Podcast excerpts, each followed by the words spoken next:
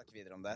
Men først og fremst så vil jeg bare ønske deg, Jenny, velkommen til den sanne podden. Og jeg setter så utrolig pris på at du har tatt deg tiden til å komme hit i dag. Veldig koselig. Og velkommen til lytterne. Håper dere har en fin dag. Senker skuldrene og ser på denne episoden her som en liten pause. Veldig hyggelig å ha deg, Jenny. Setter veldig pris på deg. Vi snakka nettopp om stress og hvordan det kan ødelegge for kroppen, og så sa jeg at uh, det starter med tankene. Det er jo der ting starter, og så sa du det er et godt spørsmål. Gjør det det? Det er interessant. Hvor er det du tror uh, tanker kommer fra? Jeg vil bare starte med å si først og fremst takk for at jeg får være her. Ja. Og takk for at du vil ha meg på poden din. Det setter jeg veldig pris på. Jeg er også veldig takknemlig for å ha deg i livet mitt. Å, så koselig. Ja. Det er hyggelig å høre. Men ja, bra spørsmål. Hvor tanker kommer fra. Um, jeg tror jo at vi er liksom connecta til det kollektive. Mm. Mm. kollektiv bevissthet. Mm. Uh, og så er det noen filosofer som sier det at alle tankene du har tenkt, er ikke dine egne. Mm. Du er på en måte bare en radiokanal som plukker opp tanker eller plukker opp ideer fra det universale. Mm. Eh, om man velger å tro på det eller ikke, det er litt sånn opp til enhver. Ja, jeg tror jeg tenker at det kan være forskjellige perspektiv på ting. da. Men jeg syns det er et veldig interessant spørsmål, fordi jeg har tenkt på det flere ganger når man er kreativ, og kommer på ideer. Du har sikkert lagt merke til det, du òg, at du på en måte får en god idé, eller skriver noe, eller tegner noe, og så er det sånn hvor dukka det her opp fra, liksom? For det føles nesten ut som det er bare noe som eh, tar over litt for deg. Det kan bare flyte litt. Og da har jeg stilt meg selv spørsmålet hvor var den ideen før den dukka opp i hodet mitt? Og hvor var den Altså, hvor kom den fra, liksom? Mm. Det er jo helt sånn weird. Det det. Jeg føler jo på noen måter at uh, vi kan være um, antenner, da, eller liksom kanaler som tar inn signaler. Mm. Men uh, om det kommer fra dypt inni deg eller langt der ute et sted, det veit jeg ikke helt. Jeg har vært på en hva skal jeg kalle det, et seminar med en som har utviklet et eget system da, rundt det der med hvordan hjernen funker. Wow. Uh, eller det er jo ikke henne som akkurat der, da, men hun har på en forsket på det. Ja. Let me hear. Nei, det er ikke det. Eh, men eh, hun jobber da med mennesker og hvordan vi er programmert. Ja, Eh, og fra null til syv så er vi som svamper. Altså også null til syv år. eh, og hvordan vi da blir programmert. Og det forteller Mm. veldig mye om hvordan vi tenker, følelser vi får, og igjen da hvordan ideer, tanker, ord Ja, og aktiviteter kommer Mhm. tilbake igjen til liksom alt. Ja, ja. Så hun vel, har veldig fokus på det at ok, har du et problem i kroppen, eller opplever du en motstand, så må du gå tilbake til den første programmeringa og finne ut av hvorfor er det sånn. Mm. Og da må du nullstille den før du på en måte kan komme videre. For veldig mange opplever det at man kommer til et visst punkt, og så looper det. Ikke sant? Fordi du ikke blir bevisst på hvor det kommer fra, eller hvor mønsteret kommer fra. Ja. Det er faktisk, ja, det er veldig interessant, og det skal jeg faktisk uh, gi litt cred til deg, fordi du har fått meg til å bli veldig bevisst på det den siste tida. Over det å tenke over mønstre. Ja. Fordi eh, For eksempel det der med å ha dårlig tid, da, og gjøre ting fort. Mm. Det er jo noe jeg alltid har hatt i meg. Det er liksom blitt en identitet jeg har. At jeg, jeg, jeg, oppfatter ikke meg selv. Tror ikke andre oppfatter meg som en stressende person, men inni hodet mitt så kan det være litt stress iblant. Kan være sånn, ok, gjør det, rydde fort, og så løper til bussen og løper opp trappa, og liksom allting skal skje fort, da. Og etter jeg har blitt bedre kjent med deg, så har jeg, for du snakker jo en del om mønstre og er veldig bevisst på de tinga der, noe jeg har beundra veldig. Eh, for det, er- det, er jo på en måte, det indikerer på en litt høyere bevissthet, da. Eh, og så er spørsmålet hva bevissthet er, og det er også et stort, annet stort spørsmål. Men det jeg har tenkt over, er at jeg har kommet litt fram til det, og jeg vet ikke om jeg har sagt det til deg. Men jeg tror at når jeg gikk på barneskole, og alltid hang etter på skole, alltid hang etter det faglige, eh, jeg var liksom alltid bak, da. Så jeg følte alltid at jeg måtte skynde meg. Og jeg tror det er en programmering som skjedde med meg, at jeg mm, jeg var på en måte ikke helt til stede i den virkeligheten her. Jeg var reist til andre steder. jeg vet ikke hva jeg skal kalle det. Og etter jeg har blitt bevisst på det, så føler jeg at det har vært lettere å jobbe med det. Mm. For da får du en bevis det er- Det er på en måte første steget. Bli bevisst over ting. Mm. Hvis du ikke er bevisst over en utfordring eller et problem, så er det umulig å løse et problem. Mm. Så er, er det sånn Har du alltid vært eh, Hvordan skal jeg stille spørsmålet? Har du alltid vært eh, klar over å på en måte kunne finne disse mønstrene? Når er det du begynte å tenke over det, liksom? Og, for det, det er jo noe jeg på en måte føler jeg har lært i år. Er det noe som alltid har vært for deg, eller har det kommet i senere alder? Bra spørsmål. Um, Takk. uh, det, det vet jeg ikke helt, faktisk. Jeg har ikke noe sånn helt konkret tidspunkt på at det var da jeg begynte å. Liksom finne ut av de tingene. Men jeg har alltid vært veldig nysgjerrig som barn, og liksom lurt på hvorfor ting er som det er. Og så kan du bare spørre mamma og pappa Ja, Hvor mange gang. hvor mange spørsmål jeg har stilt under barndommen min da, for hvorfor ting er som det er. Mm. Og jeg husker jeg stilte en del spørsmål også under, eh, jeg gikk på skolen. Ja. Spurte lærerne mine hvorfor vi bare lærte én side av historien, for eksempel. Wow. Eh, og liksom sånne ting, da. Ja, og liksom, ja, hvorfor mangler det 250 år med, i tidslinja her, liksom? Hva, hva skjedde da? På barneskolen, liksom? Ja, Nei, og da var det sånn, ingen som kunne svare på det. Nei. Eh, så jeg har alltid liksom lurt på hvorfor ting er som det er, eller hvorfor mennesker er som det er. da Og så begynte Mm. jeg liksom det å Det var vel Da jeg var sånn 11-12, så var jeg på et ganske dårlig sted i livet. Og da var det akkurat som jeg på en måte fikk kontakt med noe større. Mm. Eh, og det var da liksom min Føler jeg selv da, at min liksom store utvikling begynte. Ja. Med selvutvikling og hvorfor jeg er som det er. Eh, og alt med Jeg syns astrologi er spennende. Personlighetstyper. Um, arketyper. Og det er liksom det å kunne se mønstre i hvorfor folk er som de er. Da. At en atferd eller en personlighetstype stammer ofte fra samme traume eller samme opplevelser i barndommen. Som et resultat av noe, på Yes. måte. Og det syns jeg har Mm. alltid vært veldig veldig spennende. Det er veldig interessant. Eh, og tilbake til det der også med mønster. da Mm. Hvorfor er folk sånn her, og hvorfor har man utviklet det? For jeg tror jo hele tiden at mitt perspektiv på livet da, er at man er man har en sjel, eller man har en essens av seg selv, og så har man en kropp som får en personlighet. Og personligheten utvikler man fordi man skal beskytte seg selv. Mm. Wow. Og alt man da plukker opp, eller observerer, eller tenker det er en fin måte å forsvare seg på, Mm. og absorberer de tingene her, da. Mm. Um, ja, og sånn som du nevner, da, at du alltid har liksom dårlig tid, og liksom skal gjøre ting litt fort. Jeg kjenner meg også veldig igjen i de tingene der. Ja, det gjør det. Eh, ja, men jeg hang på en måte ikke etter. Jeg fant ut at eh, da jeg begynte på skolen, så var jeg sånn at jeg tenkte jeg syntes alt var gøy å lære ting, og liksom Ja. har på en måte alt vært litt i forkant, da. Det vil jeg tro. Ja. Eh, altså, jeg, hus jeg husker fortsatt første skoledag. Å, du gjør det? Eh, ja. Hvordan var det? Eller første ordentlig skoledag, sånn ikke nå skal vi hilse på, dette er navnet mitt, liksom, men første gang vi satt i klasserommet. Mm. Og så skulle læreren vår skrive, da. Eh, Hun begynte med matte, eller skulle gå gjennom liksom, de ulike tingene, da. Liksom begynne.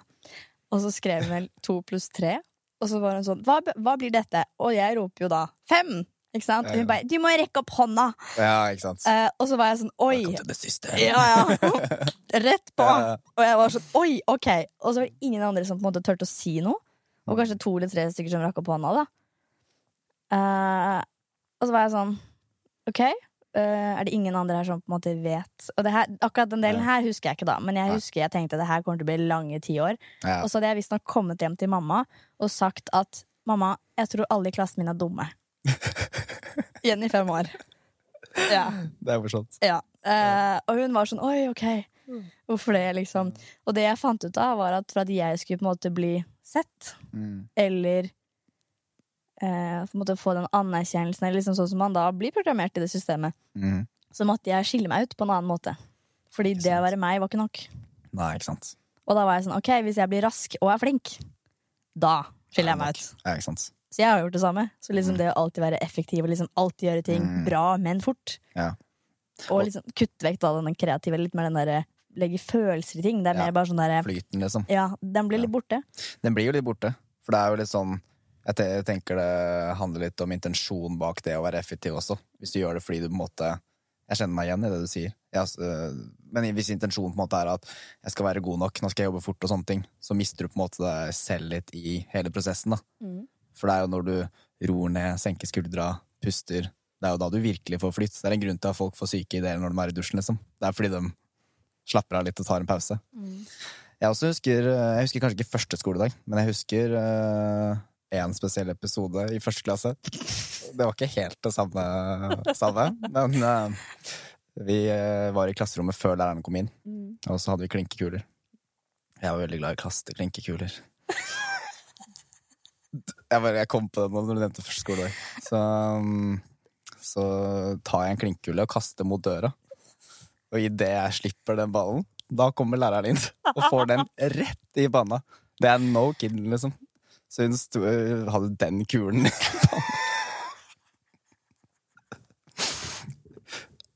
Så jeg tenkte, Velkommen til nytt år, liksom! jeg tenkte det her ble ti morsomme år. Nei, jeg tenkte ikke det. Nei, så jeg var vel ikke akkurat uh, the favorite kids. Um, Starta, starta sterkt der. ja, jeg tenkte ikke at alle var dumme. Jeg, jeg, trodde jeg var dum, jeg. Ja. Alltid tenkt. Nei, det er litt sånn uh, morsomt. Men eh, ja, uh, uansett, da. Det virker jo som du på en måte fra ganske tidlig alder var ganske bevisst på å begynne å tenke over disse tingene her. For jeg, jeg vil ikke si at jeg var det. Og så er jo liksom spørsmålet hva er bevissthet? Jeg syns også det er ganske interessant, fordi bevissthet er jo noe vi måler i oss selv. Du føler deg mer bevisst over ting. Og jeg syns også det er veldig interessant å tenke på hva som gjør mennesker mer bevisste og ubevisste. Um, min definisjon på ubevissthet er når jeg, hvis jeg er i en tankerekke, og plutselig tar jeg meg selv etter mange minutter Oi, shit, hva er det jeg driver og tenker på? Hvorfor bruker jeg tid på det her? Da føler jeg at jeg har vært ubevisst Mm. i noen uh, minutter, da. Men når jeg var barn, så tror jeg jeg var det ganske mye hele tiden. At jeg egentlig bare gjorde. Jeg bare fulgte tankene mine. og bare... Mm. Når er det du begynte å tenke over bevissthet? Tydeligvis ganske tidlig, da. Ja. Siden du var fem år og begynte å tenke at hm, alle andre her er jo Det handler kanskje ikke om bevissthet heller. Jeg vet ikke. Bra spørsmål. Igjen. Og, hva, og, og igjen, oppå det, da. Hva Mm. tror du da bevissthet er? Hva er din definisjon på bevissthet? Uh, jeg har akkurat lest ferdig en bok som heter The Cabalion, Mm, Uh, og der den er kul. Ja, det Lest den. Hæ? Jeg har ikke lest den, da. Men kjempekul. Jeg liker coveret. ja, det coveret er um. Men kult. Ja, uh, og der sier de det at bevissthet, eh, definisjonen på, på det, da, er det at så lenge et vesen er klar over sin egen eksistens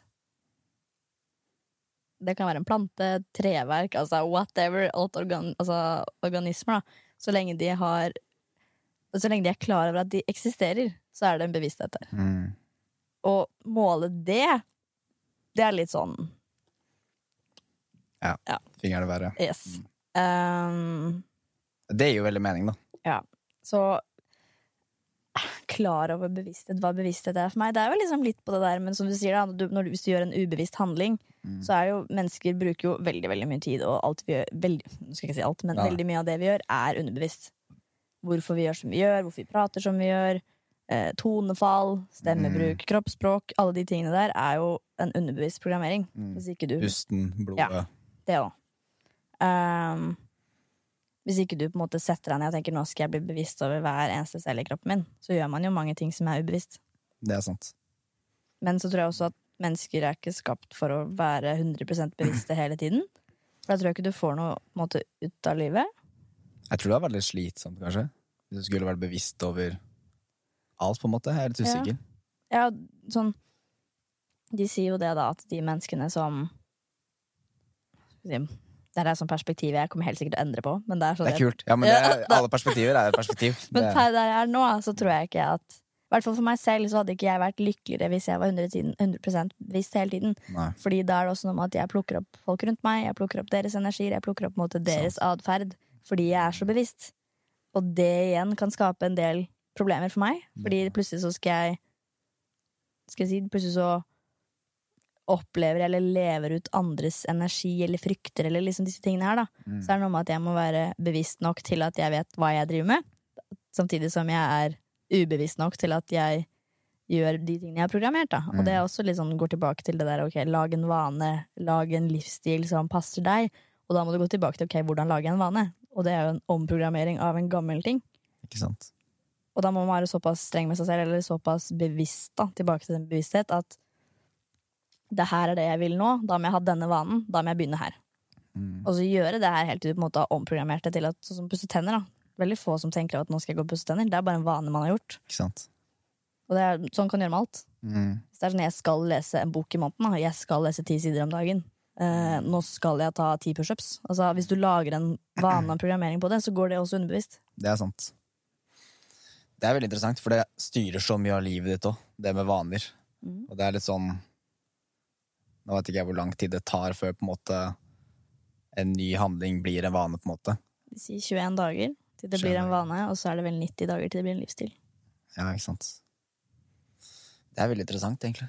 Hvordan, er, hvordan- går den der? Eh, Du styrer ikke hva slags tanker du har, men du styrer vanen din, og vanene styrer livet ditt, eller et eller annet sånt. Men det gir jo veldig mening. Jeg kan ikke den sitert, Nei, ikke sant. Det er- men jeg skjønner hva du mener. Men det er, det er veldig interessant, for jeg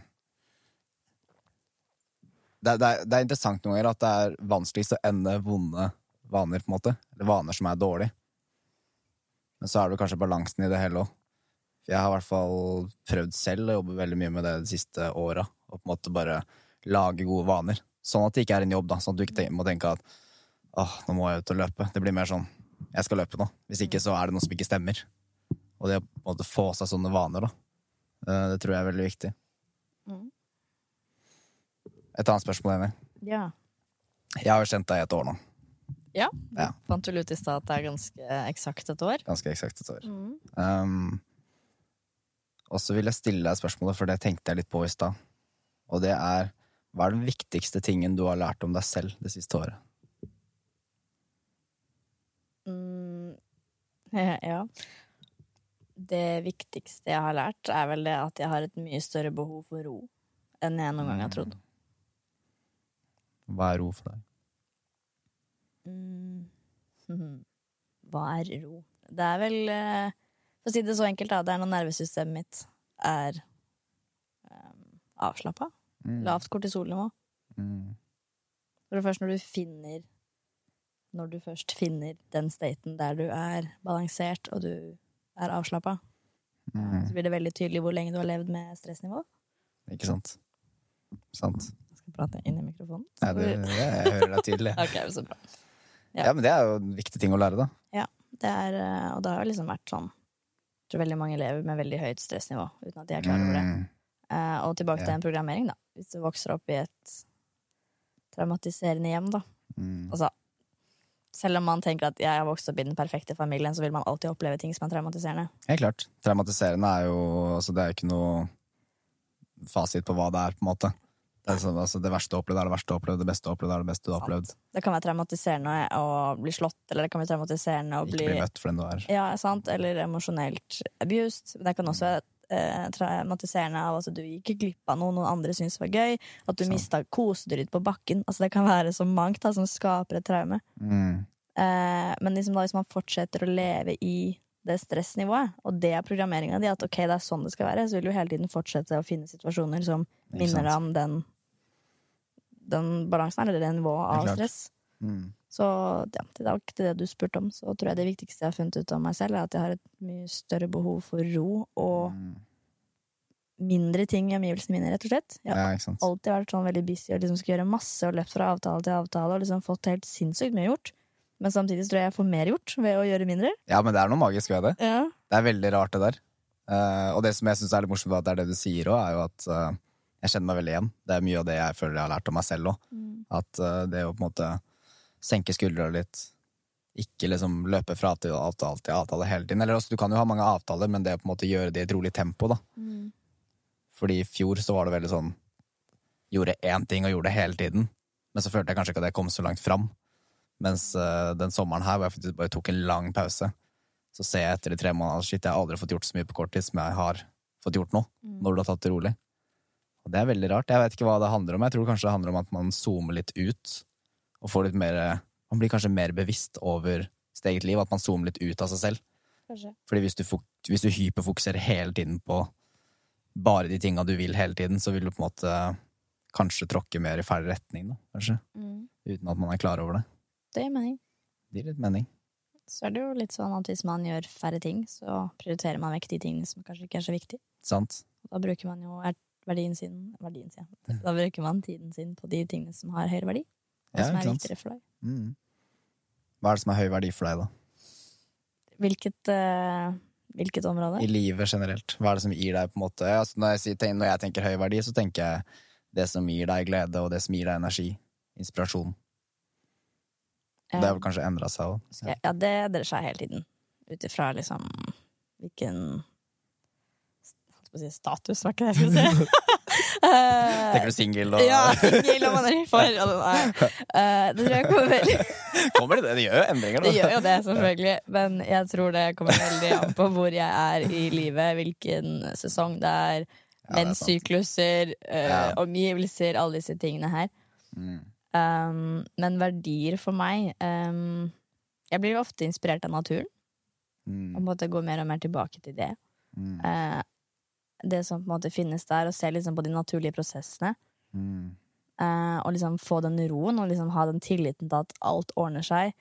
Ja. naturen har skapt ting for å på en måte bygge det opp, og for å rive det ned, igjen, og bygge det opp igjen, og rive det ned igjen, Mm. og liksom stole på den flowen, da. Ja. At det er, det er helt naturlig at det skal gå sånn. Mm. Eh, at alt må ikke være positivt og bra hele tiden. Fordi da blir det jo på en måte statisk. Da er det jo ikke dynamisk lenger. Nei, ikke Og merker man egentlig toppene hvis alt er likt hele tiden? Hadde det ikke vært for nedturene, så hadde du ikke lagt like stor pris på oppturene. Det er akkurat det. Eh, så det er en veldig stor verdi for meg. Eh, personlig så syns jeg det er Kanskje det som gir meg mest energi, er å se at andre mennesker gledes av ting jeg kan sette i stand. Eller hjelpe de med. Mm. Og det tror jeg også Jeg merker merka. Ja, eller tror. Jeg vet også at det er en stor del av mitt purpose her. At jeg skal være til stede for andre, og at jeg skal kunne bidra med de tingene jeg kan. Og jeg tror også det er en av grunnene til at jeg er såpass detaljorientert, og at jeg ser de små detaljene som kanskje mange andre ikke ser. da. Uten tvil. Nei, men Så fint. Det første du nevnte, har jeg lyst til å kommentere, for der kjenner jeg meg veldig igjen. Det å være i naturen det kan gi meg mye inspirasjon. For jeg tror jo Min måte å si det på, da, uten at det er noe fasit, så liker jeg å si at eh, vi ikke er i universet. Vi er universet som observerer seg selv. Og så er det mange måter å se det på, men det føler jeg litt på naturen nå, at du kommer automatisk mer i kontakt med deg selv. Jeg tror det er veldig bra for uh, mange deler av kroppen. At du liksom senker skuldrene litt. Mm. Det var fint å høre om purpose òg, det du nevnte der. At, for det, det er noe jeg som føler jeg kjenner altså jeg kjenner deg veldig godt. Det, er vi har jo, det er jo ikke sikkert alle vet det, men vi bor jo sammen i et kollektiv på Lamber... Nei, det er ikke lov å si. det er ikke lov å si. Nei. Det er kødd. Um, bor i et tydelig kollektiv. Um, Det skal sies at når Fredrik sier kollektiv, så mener han at han bor med businessrelasjoner. ja. Og når jeg sier Lambert, så mener jeg egentlig Nordstrand. Ja. Det er det det egentlig er. Eller Bekkelaget, da, hvis Ja. man skal være veldig på det. Men det er jo veldig fint da, å være litt sånn klar over, selv om det kanskje endrer seg. Jeg vet ikke om det endrer seg for deg, men det med Mm. purpose. Fordi som du sa, fra tidlig alder, når du var fem-seks år, så stilte du deg mye spørsmål. Og stilte de rundt deg. Hva er det, hva er det her? Hva, hva gjør vi her, liksom? Det samme gjorde jeg. Jeg, tenkte på, jeg husker det tidlig. Jeg tror det var kanskje tror det var før jeg begynte på skolen. Nei, kanskje ikke sånn i første klasse eller andre klasse. Så var det sånn derre What is this shit? Hva er det greiene? Og det, det spørsmålet stiller jeg jo selv en dag i dag, men det er på en måte eliminere så mye støy som mulig for å komme dypere i kontakt med seg selv, og faktisk finne purpose, da, for jeg tror det er så viktig. Mm. jeg tror jo alle har forskjellig purpose. Um, har det endra seg for deg? Tenkte du at du hadde en annen purpose før enn, enn hva du har nå, eller er det Ja, altså Tilbake til det der med personlighet da, og essens eller sjel, kall det det hva du vil. Eh, Jeg kaller det sjel. Um, jeg tror også at jo mer sjel du blir, jo mindre synlig blir personligheten din.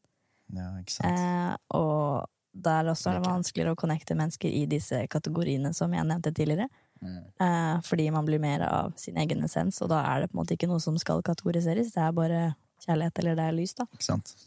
Um, så tidligere, da, da var jeg mye mer sånn ok, hvis ikke jeg hevder meg, eller jeg får anerkjennelse fra ytre faktorer, heldigvis for min del, det ikke, dømmer ikke, men for min egen del så er jeg veldig glad for at jeg fant den anerkjennelsen i sport. Ja. Og ikke liksom gjennom andre ting. Mm. Ja. Blant Eh, annet håndball. håndball. Ja. Spilt håndball i mange, mange år. Um, så da var det litt sånn at hvis ikke jeg hevdet meg der, fordi min verdi var på banen, liksom, Mm. og da var det liksom om å bli sett av eh, trenere, om å gjøre å komme lengst, om å gjøre å være best på banen. Men jeg fant jo fort ut at jeg, i og med at jeg er såpass liten, så ble jeg satt på en posisjon som jeg egentlig ikke ville spille på. Ok. Um, det er en lang historie som jeg Ja. ikke skal gå inn på akkurat nå. Ja. Alt, hvordan, det, hvordan det havna til det, da. Mm. Um, men så ble jeg satt på en posisjon, og så fant jeg at jeg her jeg har mye mer kapasitet enn å på en måte bare være en brikke i en annens spill. Mm. Og da var jeg sånn, hvis jeg skal på en måte ha en posisjon på banen, så har jeg mye mer lyst til å være en spiller som spiller opp andre, eller hjelper andre Mm. til å på en måte lykkes, da. Så jeg har startet jo naturlig nok da det er ikke naturlig. Jeg startet uh, som midtbekk. Ja. Eh, for da var det sånn Å, jeg skal være nummer to, for det er det nærmeste nummer én, og Sant. de spiller mest. Det var liksom Hei, Det var liksom Jenny seks år Ja. sitt perspektiv. Jenny, seks Ja, år. Ja. Jenny seks år. Uh, ja. Eh, hvorfor jeg også begynte på håndball, det er også en interessant historie. Det. Ja, det- det. Eh, ja, så jeg begynte der, og så ble jeg plassert på en annen posisjon etterpå. Ja. Og da fant jeg ut ok, jeg vil mer, mer tilbake til midtback, fordi der kan jeg gjøre en større rolle. Og der kan jeg utgjøre større forskjell. Og det var viktig for meg. Og da begynte jeg liksom å tenke oi, hva er det purpose mitt egentlig er? Hvorfor syns jeg det er gøy? For det var ikke sånn at jeg nødvendigvis måtte score, men hvis jeg visste at jeg har spilt den pasningen som gjør at hun scorer, så følte jeg meg bra. Ikke sant? Så du fikk det på en måte litt uh, servert der, da. Ja, Da kom det liksom litt og litt og litt. Og litt Og så fant jeg også ut etter hvert som jeg ble eldre og liksom fant ut at ok, håndball er ikke det jeg har lyst til å satse på. Det er ikke der jeg skal på en måte gjøre karrieren Nei. min. Det kan connectes, liksom. Eh, og da ble jeg sånn, å, hvis det var en trener som spurte å Jenny, vi trenger hjelp, liksom, kan du bidra Mm. eh, på et lag eller liksom posisjon? Eller sånn, ja, ja, selvfølgelig. Og så fant jeg at gjennom jobber jeg har hatt, eh, mennesker jeg har møtt, og så er det en ting som går igjen, og det er det at så lenge jeg kan på en måte spille en rolle for dem, eller gjøre noe som gjør at de blir glad, så er det samme hvordan det, på, altså hvordan det utfallet er for meg. Ikke sant? Og det har jo vært ganske farlige situasjoner også, fordi det har jo gjort at veldig mange har utnytta ting. Det er klart. Um, og utnytta meg liksom i Høres ut som jeg blir Det er ikke noe seksuelt her. Nei, nei. Eh, men Jeg tenkte ikke på det. Nei, okay, ok, men det er kanskje noen som føler at det er liksom seksuelt, da, men det er ikke Ja. seksuelt. Eh, men det eh, går til Nå føler jeg som hvis jeg sier det, så er det sånn et eller annet Ja, særlig det. Ja, men i, Prikk, prikk. Det er ikke, jeg lover. oh, ja. Men i hverdagssituasjoner, da, Ja. så er det veldig mange som på en måte har uh, Ja, liksom funnet ut ok, hun gir mye, da. Mm. Uh, så det har også vært en lærdom for meg å faktisk sette grenser for ting. Uh, og Mm, finne ut ok, jeg kan bidra med det her, men det må skje på mine premisser. Ja. Og det har vært en lang reise. Så jeg føler jo det at siden jeg ja, skal jeg si, Siden jeg var 15 til nå, altså 10 år, da, så har jeg på en måte jobba med grensesetting og hvorfor skal jeg gjøre det her? Hva gir det meg? Mm. Er det nok alene til at jeg skal ofre min state eller min well-being? Og der er jeg jo nå, da. Så nå føler jeg at jeg har blitt veldig flink på liksom det å sette grenser. At nei, vet du hva, jeg vil gjerne hjelpe deg, men jeg er ikke villig til å ofre min mitt velvære for å gjøre den handlingen for deg. Nei, for da er det på en måte ikke verdt det. Det skal jo være Altså, det er jo meganice å stille opp for andre, Mm. men da skal du jo også på en måte trenger ikke å gi deg noe tilbake, men det trenger å gi deg en, en eh, form for positiv energi, da. Ja, Det skal ikke draine meg. Det skal ikke draine deg. Nei, Og det har vært et problem, fordi det har vært mange ting der jeg på en måte har bare kasta min egen selvverdi fordi jeg kan være verdi for andre. Ikke sant? Og liksom det å finne balanse der, og ok, mitt purpose, sånne ting. Ikke sant? Og der har du blitt veldig sterk, vil jeg tørre å påstå. da. Det virker som du har veldig god kontroll over din egen grensesetting. Og det du sier der òg, er litt interessant, fordi du skal ha for deg at det er en styrke, det å eh, følge sin purpose, det å hjelpe andre. Men i hvert fall når du møter mye negative mm, resultater av det. Fordi man blir kanskje utnytta, og da er det jo veldig lett for Ikke seksuelt, altså. Hvis noen trodde det nå. Ja. så um, er det kanskje fort gjort for mange å switche. da Og bare sånn, vet du fuck det, jeg skal ikke være noe snill og god. jeg. Mm. For det gir meg jo ikke noe godt. For jeg, jeg, jeg husker jeg tenkte mye på det. Eh, jeg har tenkt veldig mye på um, det å være god versus det å være ond. Mm. Fra tidlig alder. Mm. Fordi jeg begynte å eh, liksom sånn eh, Tidlig barneskole så begynte jeg å tenke litt over sånn Hvorfor har jeg de tankene her? Hvorfor har jeg de tankene? Hvorfor har jeg tanker om at jeg har lyst til å gjøre sånn? Altså, det er sånn men så skjønte jeg jo mange år senere at tankene er jo ikke meg. Jeg er jo bevisstheten som velger tankene jeg har lyst til å handle på. Mm. Um, og der tror jeg mange eldre i dag ikke er bevisst òg. At de liksom har tanker i hodet som de skammer seg over. da Men så er det jo ikke deg. Det er jo, det er jo bare tanker. Igjen til det kollektive. Men poenget mitt var det at jeg eh, Jeg tenkte på når du begynte å snakke om det med å møte motstand ved å være den man er, og hva man vil.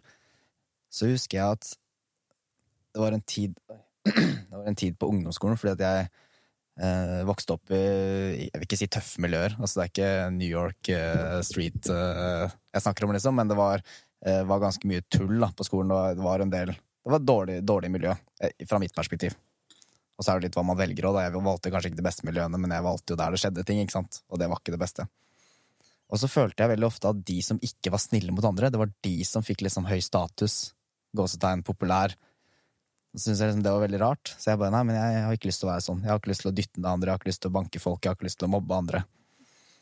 Men da jeg begynte på ungdomsskolen, så var det som fortsatt, eller slutt på ungdomsskolen, så følte jeg som fortsatt var der. da. Jeg følte at de som på en måte ikke hadde gode intensjoner, de ble Det virka som for meg at de fikk flere fordeler. Mm. Og så husker jeg at jeg liksom var litt på vurderinga. Kanskje jeg bare skal drite i det å være god. Kanskje jeg skal drite i å liksom gi andre god energi, for jeg følte ikke at jeg vant noe på det. Men nå i dag så er jeg veldig glad for at jeg holdt på den. Mm. Det, men det er først nå liksom, de siste åra jeg føler at det har kommet tilbake igjen. At nå kommer det gode energier tilbake, da. Mm. Det er bare Ja, nei, jeg tror det er mange som kanskje switcher litt, men det er en styrke, Mm. tror jeg, da. Det å på en måte holde på den. Fordi du velger å si det. Er jo den siden av deg du mater, som vokser. Det er sant. Tror jeg, da. Veldig med deg på den. Jeg har to ting, kommentarer på de tingene der. Mm. Eh, begynner med nummer én. Jeg har hatt samme erfaring. Jeg ble mye mobba på skolen, eh, og det endte opp med at jeg begynte å forsvare meg, og jeg ble såpass god til å se andres svakheter. Og når jeg da på en måte kasta de tilbake, og jeg så hvor mye skade jeg kunne gjøre hos mennesker, så tenkte jeg jeg kan også gjøre like mye glede. En polaritet. Yes. Eh, tilbake til det du sa, og din egen opplevelse. Hva er det du har lært av det? Av den erfaringa. Ja, Hva tror du var årsaken til at du måtte, måtte gjennom det? Hva er det, det, hva er det du tar med deg i dag som stammer fra den tiden?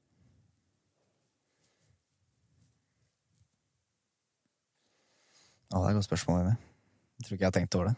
Det er godt vi har god tid. Ja. Um, det, det ene jeg har lært, er at jeg I hvert fall ikke i det livet her, da. Hvis man skal si det sånn. Så har jeg noen Jeg har aldri følt at jeg har vært på den onde siden. Men jeg tror at uh, det onde på en måte ligger mer i det ubevisste. Jeg har en følelse eller en oppfattelse av at jo mer bevisst du blir over eh, dine tanker, deg selv, hvem du er, og hva du ønsker, jo mer kjærlighet har du på en måte mulighet til å gi, føler jeg. Um, men sånn spesifikt hva jeg lærte av det, så lærte jeg vel egentlig Det, det er mange ting. Jeg, jeg, jeg lærte mer om hva som er riktig og ikke riktig menneske for meg. Fordi av en eller annen grunn så ble jeg nok litt sånn vant til å være med mennesker som egentlig ikke brydde seg om meg. Og det ble på en måte normal. Det har alltid vært et valg. Det var jo mange snille i klassen min. Det var jo mange snille på trinnet mitt liksom, som var hyggelige mennesker, men der skjedde det for lite for meg. Jeg likte mer der det var litt action. Men det var ikke liksom Det kan godt hende at de er gode i dag. Alle mennesker kan endre seg. Men det, det var på en måte ikke et miljø hvor du kunne være deg, da. Nei. Det var et miljø der du skulle Ja, så det, det, det føler jeg har lært mye av, og er veldig takknemlig for erfaringen.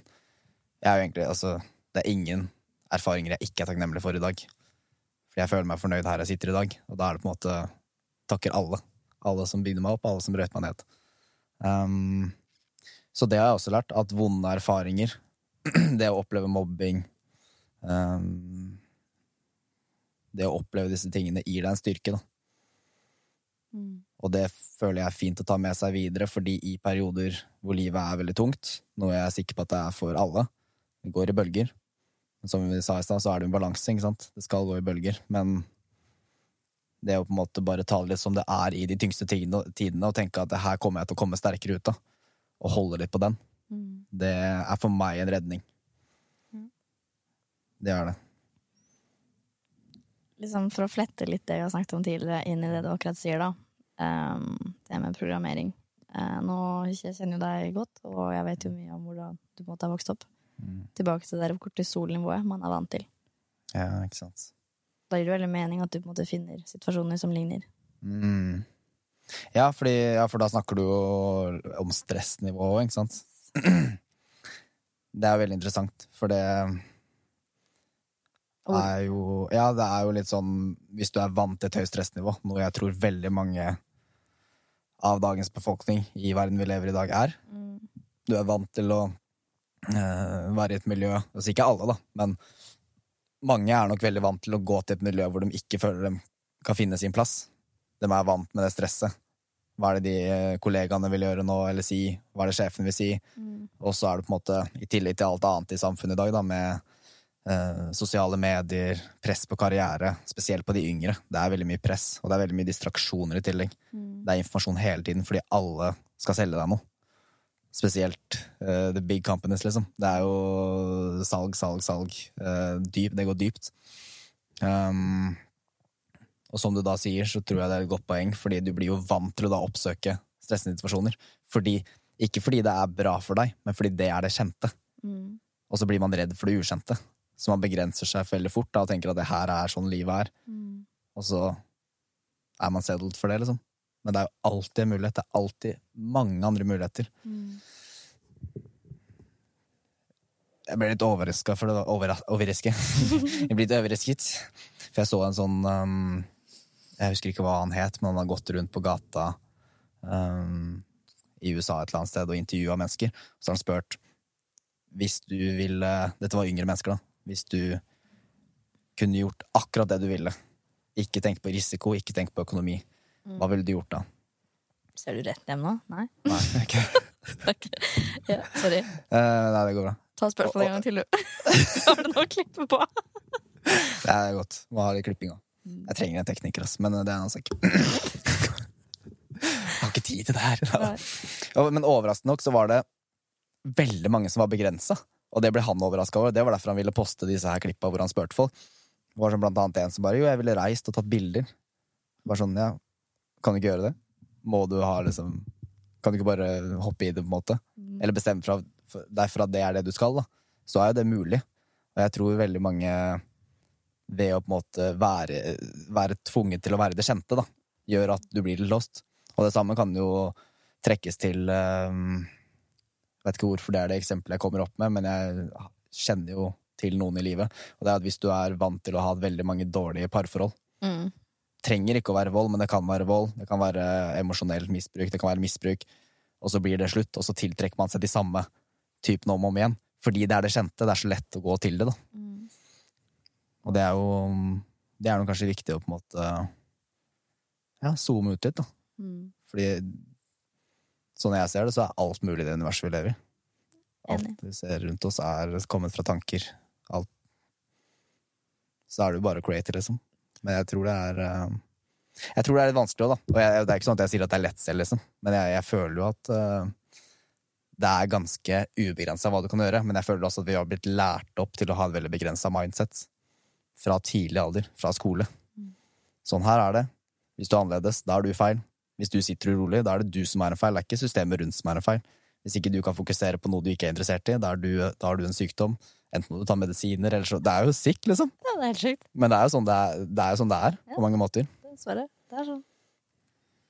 Du, har du tenkt på det noen ganger? Du, du har jo ikke jeg vil, jo, jeg vil jo tørre å påstå at du har en litt sånn ADHD-mind, hvis du skal se på det sånn, men du har vel ikke Nei, jeg har ikke noe Jeg snakket faktisk med mamma om det her uh, typ for et par dager siden. Men før jeg begynner på Ja. det, så skal jeg bare si en kjapp ting rundt det der med bevissthet. Mm. Eh, og jeg tror liksom sånn hvis man gjentar ting, og at det er samme mønster som dukker opp, Ja. at man kan begynne, da.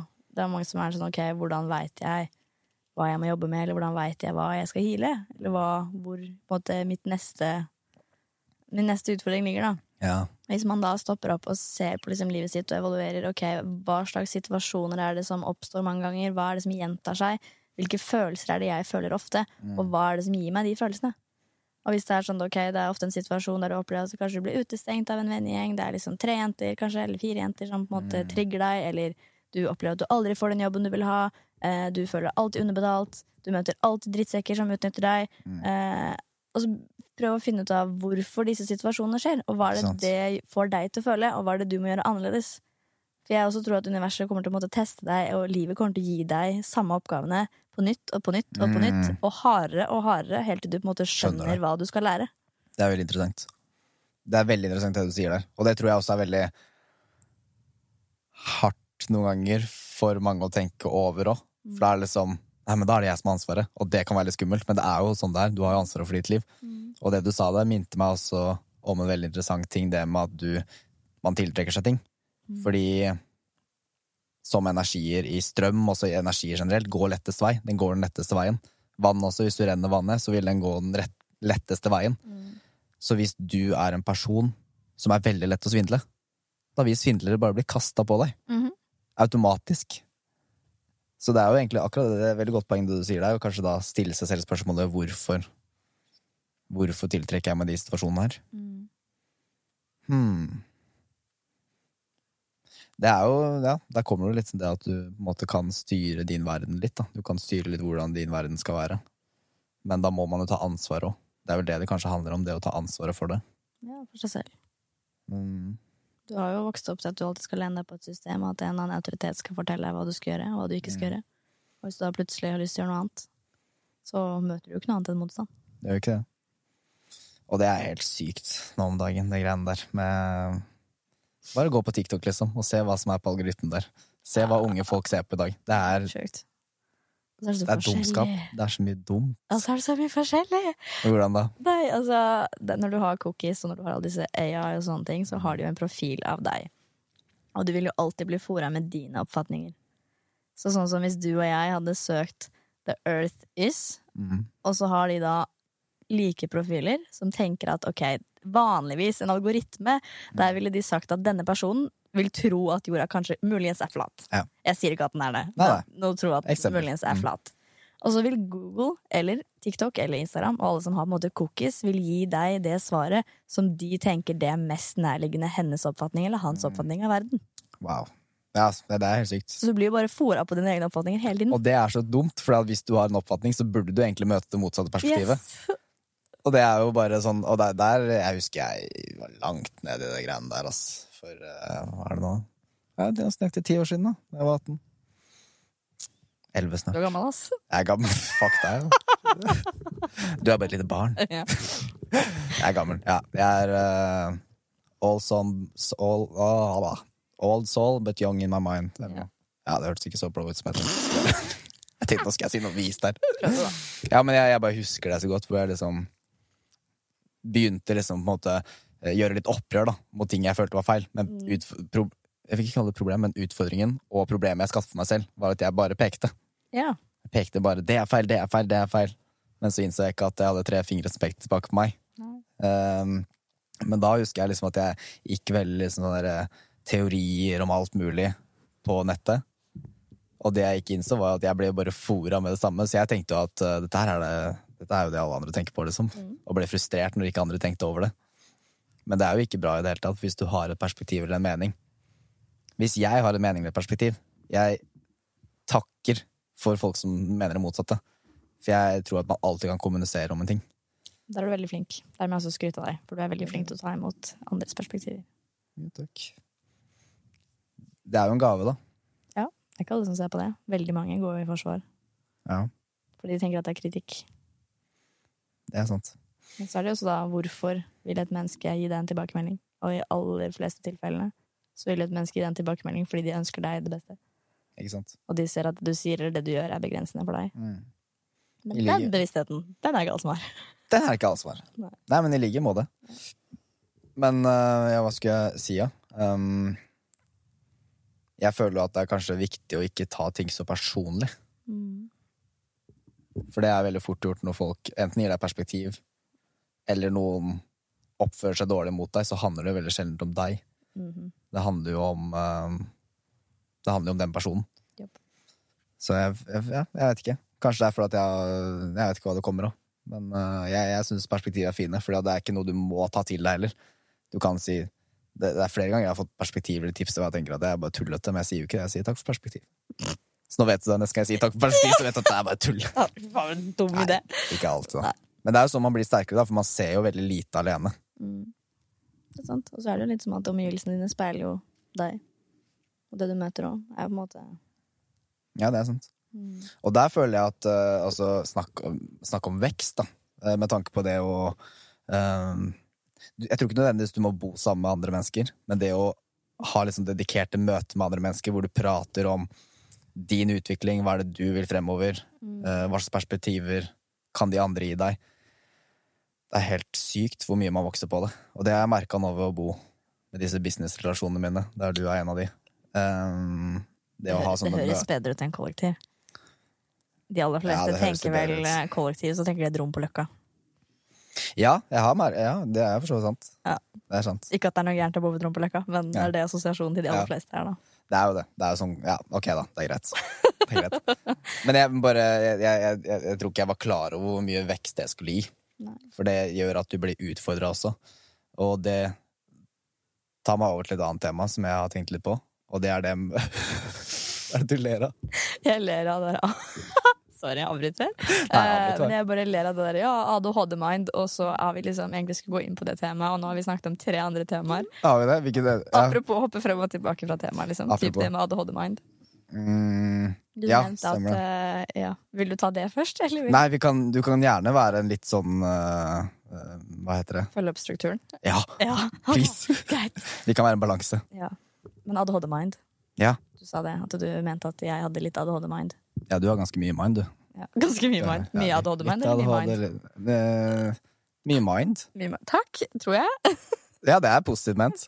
Ja. Det er det. Men jeg snakket med mamma om det her, og så Ja. sa jeg Takk, Eddie. ja, vær så god. Jeg sa det til henne at eh, det er jo selvfølgelig sånn om TikTok og Instagram de, Det er jo masse sånn If you do this, you have ADHD symptoms. Og så er det sånn Mm. Oh shit, jeg har ADHD. Og så er det sånn at Ja. det du leter etter, er det du ser. Det er noe som, som også har trenda, the red car theory. Å, det har jeg ikke hørt om. Nei, det er bare sånn hvis, du, hvis jeg har forstått det riktig, da. Men det er sånn teori jeg har hørt før, at hvis du på en måte har fokus på ting som er rødt, så ser du bare røde ting. Og det er Ja. sånn hjernen vår funker. Ja, Det er sånn, Hvis jeg kun ser etter ting som er feil, så får jeg bare ting som er feil. Ja. Ser jeg ting som er positivt, så får jeg bare positive ting. Helt med på den. Ja, og typ liksom der, ok, jeg har ADHD da. Og så tenker du at oh shit, kanskje jeg har ADHD Og da får du bare bekreftelse på at ja, du har ADHD Ikke sant? Eh, Og så nevnte jeg det for mamma da Og så sa jeg liksom, ja, nei, jeg har jo litt sånn eh, Det ble en annen ting da Men det var liksom snakk om at man kunne fått eh, diagnoser på ting. Og så sa jeg, hvis jeg hadde gått til en lege Eller en spesialist på det ADHD Så hadde jeg sikkert fått en sånn lett diagnose på det. Og hun bare, nei, det trodde hun ikke noe på. Ikke Fordi jeg hadde ikke ADHD Og så var jeg sånn eh, Jeg har ganske mange symptomer som er like Mm. det. Eh, Men så er det litt sånn Hva er det man opplever som ADHD Hvor kontroversiell vil du ha podcasten din? Her skal vi si akkurat det er Du skal snakke fra ditt sanne hjerte. Fra mitt sanne hjerte Ja. Ok, Om du vil banne, Jenny, så kan du bare banne. ok, det her kommer til å skape en del reaksjoner Eh, Jeg tror ikke at ADHD er en legit greie Ok. For meg så er ADHD et stempel på mennesker som har et annet behov enn det som er standard i systemet. Og da er det lettere å putte en stempel sånn som du nevnte i sted, på de menneskene som ikke klarer å følge systemet. Du er et problem, fordi du følger ikke den gamle standarden som vi har brukt i hvor mange, jeg vet ikke, 500-600 år. Selvfølgelig utvikler vi oss. Selvfølgelig har vi andre behov nå enn vi hadde for 500 år siden. Jeg er enig på flere måter. Ja. Derfor tror jeg ikke det er en legit greie. Nei. Og har man behov for å skifte fokus mer, om man ikke har lyst til å interessere, interessere seg Jeg må pusse, jeg blir engasjert. uh, og hvis man ikke klarer å holde fokus da, på uh, Columbus på skolen Ja, OK, hva så? Det interesserer meg ikke. Ja, Da har du greit. sykdom. Ja, da har du en sykdom. Da skal du medisineres fra ditt frekvens. Din, ditt energinivå passer ikke inn i skolesystemet. Too, altså, too bad for you. Det er sånn, Istedenfor å på en måte fange disse her da, og disse sjelene og disse menneskene som har så mye kapasitet, Evner og styrker. ja, for det istedenfor. Istedenfor å rakke ned på det. Eh, men ja, så jeg er tilbake på det der med ADHD-mind. da Jeg tror at det der med ja, bare? Ja, men jeg har mange ting interessant å si til det. ja, Så. Så jeg tror at ADHD egentlig er Jeg tror at ADHD egentlig er bare en samlebetegnelse på mennesker som har høyere frekvens. Eller har høyere kapasitet til å gjøre ting enn det systemet er klar for. Tror jeg. Jeg er enig. Ja. Selv om jeg, altså, Og du har jo diagnostisert ADHD. Ja, diagnosen. Ja. Ja, og jeg, jeg vil um, uh, starte med å si at jeg tror det er noen fordeler å kunne få diagnosen uh, hvis vi hadde hatt et system som faktisk fungerte for det. Mm. Fordi at jeg føler at um, det kunne vært fint å si ja, du har ADHD, men som du sier, da skal du møte dem med en positiv approach. Du skal møte dem hvor de kan dyrke styrkene sine, for sånn er det ikke i dag. Nei. Um, og jeg syns det der er veldig interessant, for jeg har stilt meg spørsmål om hvorfor er det sånn. Sånn som du, du sier der. Jeg tror det er flere som har tenkt den tanken. Um, og for meg sier din litt mening. Um, hvor skal jeg starte, egentlig? Det er um, eh, Jeg føler ikke at det er helt svart-hvitt, men, på mange, ja, men det er, det er liksom flere perspektiver på det her. Ja. For jeg, jeg, jeg er jo på vei inn med å jobbe med barn med ADHD, men det er jo for å nettopp endre, endre den strukturen, for at folk har jo ikke kunnskap om det. Fordi du, jeg, når jeg ble, fikk diagnosen, eller når jeg begynte på skolen, så følte jeg at jeg var en feil. Jeg følte at jeg var svak, jeg følte jeg var dum. Og det tror jeg ufattelig mange barn, spesielt barn som får diagnosen tidlig, får den følelsen av seg selv, at de er en feil. Men det er jo egentlig ikke tilfellet, fordi jeg er feil i forhold til noe. Mm. Det er der jeg føler at mange ikke stiller spørsmål. Du er en feil i forhold til hva? Jo, et system som eh, ikke møter ungenes behov på noen måte. Um, og der syns jeg det er interessant å stille spørsmålet hvorfor er det sånn? Fordi hvis du går tilbake i tiden hvor vi ikke hadde skole, da, ikke hadde den samfunnsstrukturen som vi bærer på i dag, hvor vi generelt levde i naturen, Mm. noen måtte sitte og tenke ut eh, med høyt fokus hvordan skal vi bygge det taket her, hvordan skal vi bygge denne hytta. Og det var folk med fokus, ikke sant? Kanskje autisme. Kanskje autisme var en, er jo en evne. Jeg ser ikke på dette som sykdommer. Jeg ser på det som evner. Du er egentlig en eh, sånn, hva heter det, Wiz, Wiz, nei, herregud, wizard. Du er en trollmann. Trollmann heter det. Ja, et eller annet, da. Det, vi trenger jo Altså, jeg har en i familien min jeg, med, som fikk diagnosen autisme nå. Ja. En av de smarteste personene jeg noen gang har kjent. Tviler ikke. Det er sånn der, De samtalene der er bare helt sånn Måten den personen bare kan liksom se for seg konsepter og, og det er jo Det er ikke noe svakheter her, det er en evne. Anyway. Hvis du ser for deg den uh, type liksom eh, primitive måten å leve på, da, hvor vi levde i jungelen, så er det jo Jeg sier jo ikke at ADHD-mennesket var viktigere, for det er jo et team her. Vi er jo en balanse.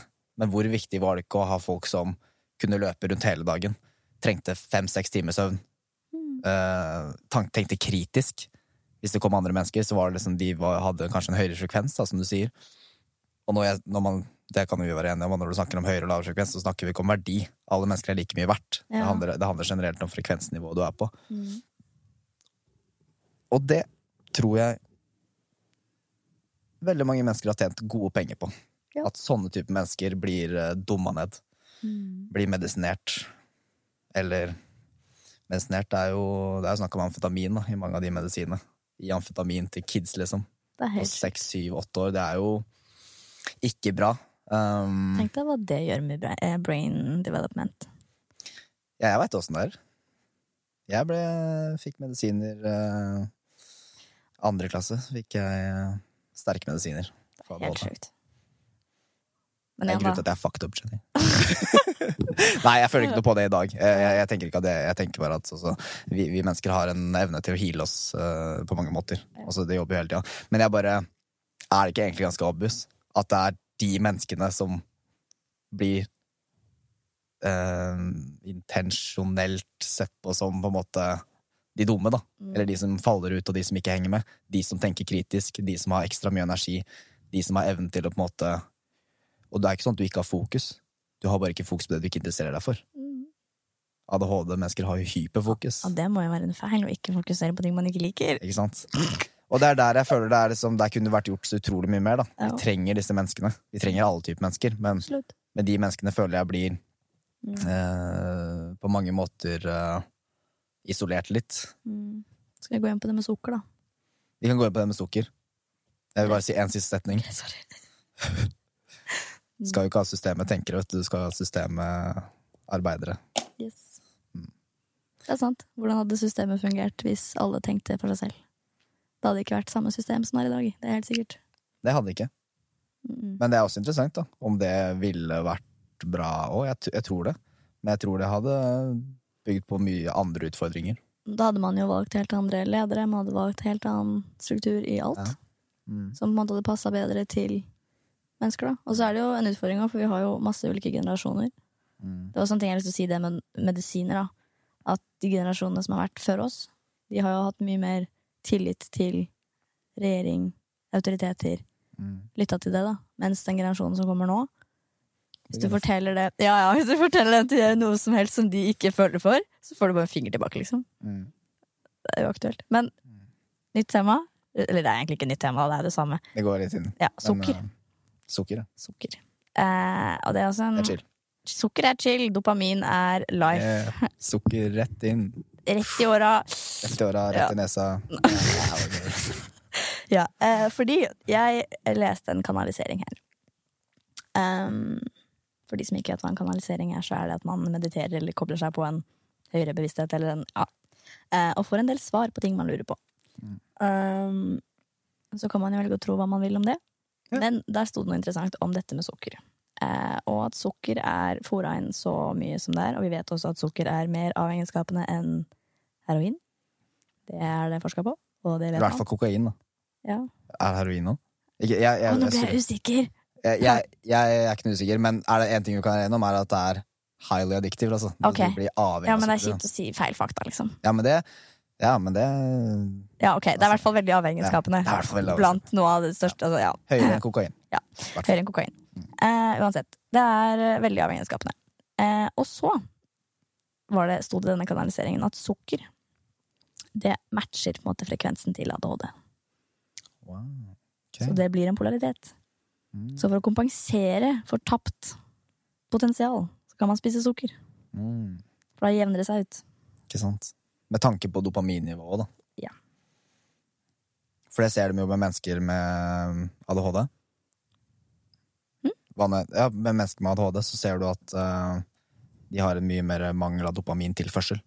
Ja. Så for mennesker på den skalaen, da, Mm. så er det lettere å bli avhengig. Det er lettere å Fordi du, måte, hvis du er avhengig av noe, så gir det dopamin. Og da er det på en måte sånn enda deiligere følelse enn det det kanskje er for mennesker som har mer jevn tilgang. da. Mm. Sukker også er jo et stort tema. Det er jo også en, eh, det er en big business. Det er dritt. Ja, Det, det Det er, er dritt. bare dritt. Ja, det er altså ikke sukker som er i friske druer og Nei, epler nei, og bananer. ikke fruktsukker. Vi snakker litt raffinert sukker. Ja. Og det er jo Og det er en ins milliardbusiness. Det er det. Og det er insane at det er i fuckings alt. Ja. Det er i overalt. Og da er det umulig å på en måte Har, har du, prøvd, har du liksom tenkt tanken at nå skal jeg ikke spise noe sukker, annet enn frukt? da?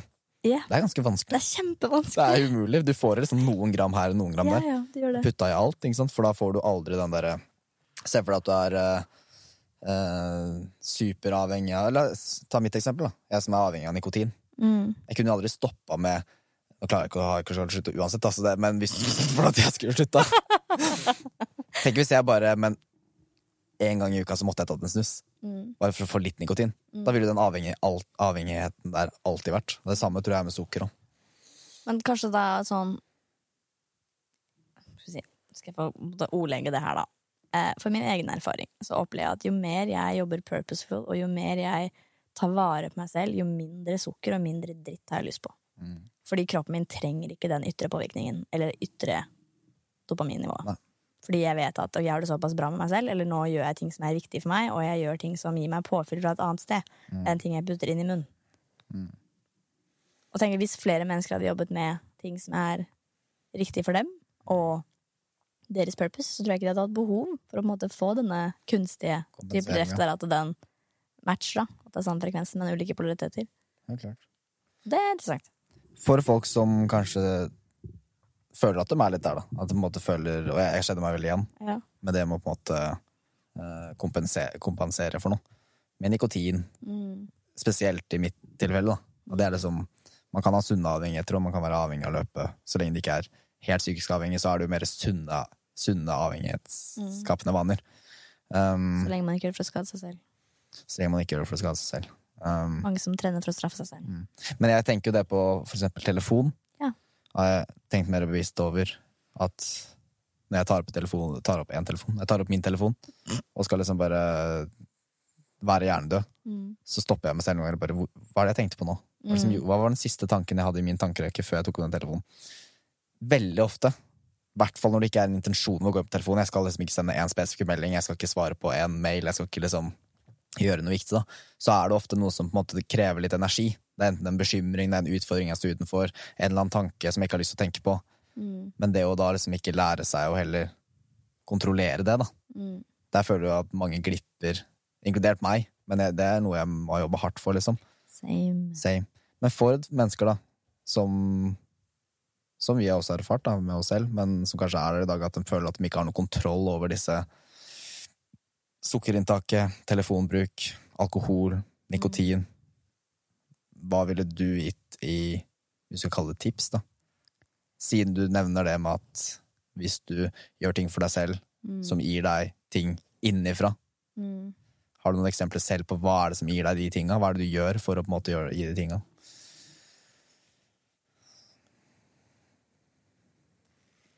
Det er veldig bredt. Veldig bredt tema. Samtidig som det er ekstremt snevert. Mm. Um, jeg tror Først og fremst da, så tror jeg alle disse her addiction handler om følelser. Det handler om ting som ikke blir uttrykt. Mm. Alltid on the bottom line. Det er et eller annet som ikke blir uttrykt. Så jeg ville kanskje begynt å Det kommer litt an på hva slags type menneske du er, hva du har best effekt av. Men snakk om ting. Sett deg ned. Gå liksom Legg vekk telefonen, sett deg i ti minutter, ta med penn og papir. Skriv ned ting. Skriv hvorfor føler jeg for det her. Hva er det det gir meg? Ok, jeg drar ut på byen fordi jeg får anerkjennelse. Ok, Går det tilbake til dårlig selvbilde? Hvorfor har du det? Mm? Jobb med det. Ok, jeg sitter deg selv i speilet jeg elsker meg selv, jeg har en fin kropp, jeg tilrekker meg de riktige tingene, jeg har bra, bare bra mennesker rundt meg.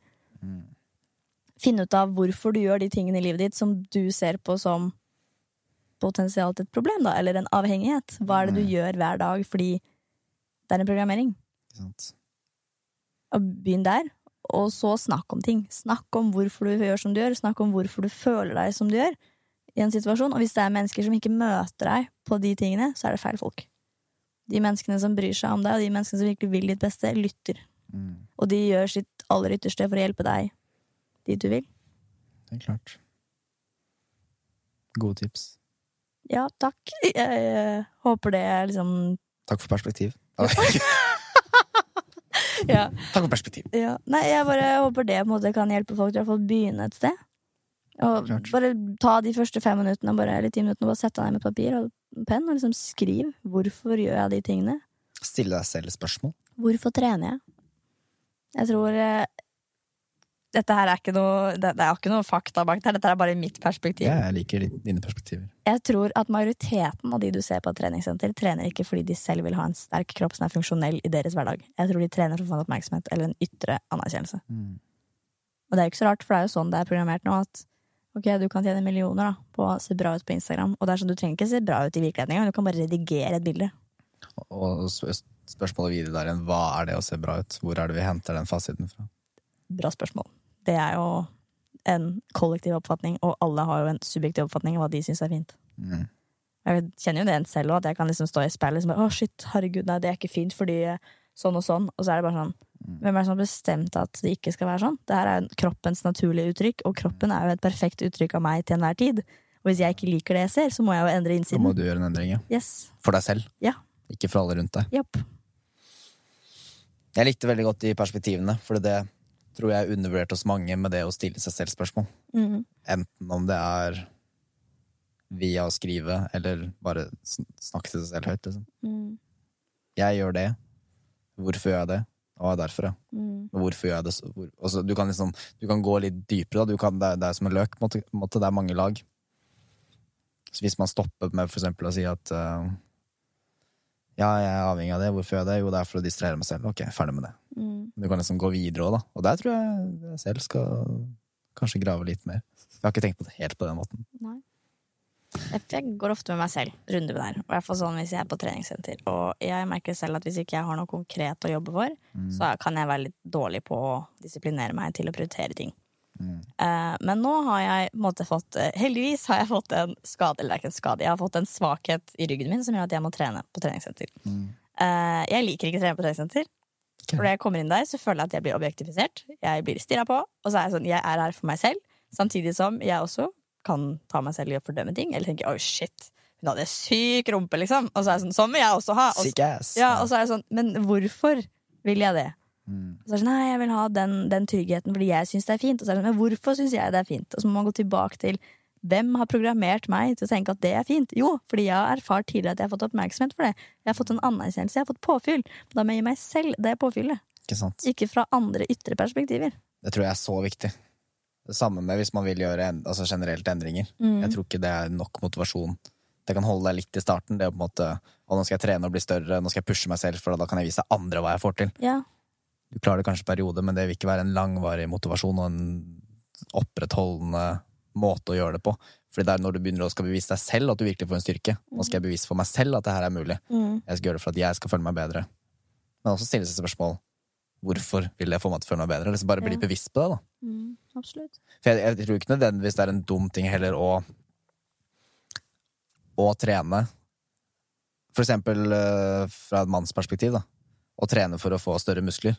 Mm. Og så tenker man, eller jeg da, i det perspektivet at liksom Jeg, jeg syns det er kult for meg at jeg blir sterkere, for jeg føler jo at kroppen er veldig nært connecta med sjela di Mm. og mindsetet ditt. At jo mykere jeg er, jo mer jeg klarer å tøye ut fysisk, jo mer fleksibel vil jeg bli i mindsetet mitt, jo mer styrke jeg får i mine muskler, jo sterkere vil jeg bli i mindsetet mitt. Jeg tror på det. Mm. Men jeg tror jo ikke nødvendigvis at det gjør noe heller å trene, for da kan andre også se at jeg er bedre trent. Så lenge det ikke er en Så lenge ikke det er den eneste grunnen.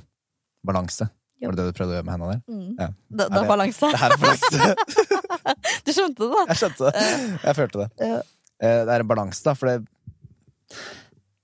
Noen ganger også så kan jeg like å mm, eh, Jeg har merka det ved å sitte og jobbe i stua hos min far. Mm. Og hvis faren min og stemoren min er der, så merker jeg at jeg kan få et høyere fokus på å jobbe med det jeg vil jobbe med. Mm. Og så har jeg prøvd å observere meg litt selv. Og så har jeg faktisk kommet fram til Dette her var i fjor sommer, da. Så kan det hende at det har endra seg nå. Det veit jeg ikke. I Kongsberg? I Kongsberg, Ja. Um, så tenkte jeg, hvorfor er det som Jo, for jeg tror jeg, jeg liker at de ser at jeg er fokusert på det jeg vil. Men så gjør jeg jo egentlig ikke det nå heller. For Fordi når jeg har tatt opp det her med venner og med folk, så er jeg sånn Ja, men det er ganske normalt, det der. Mm.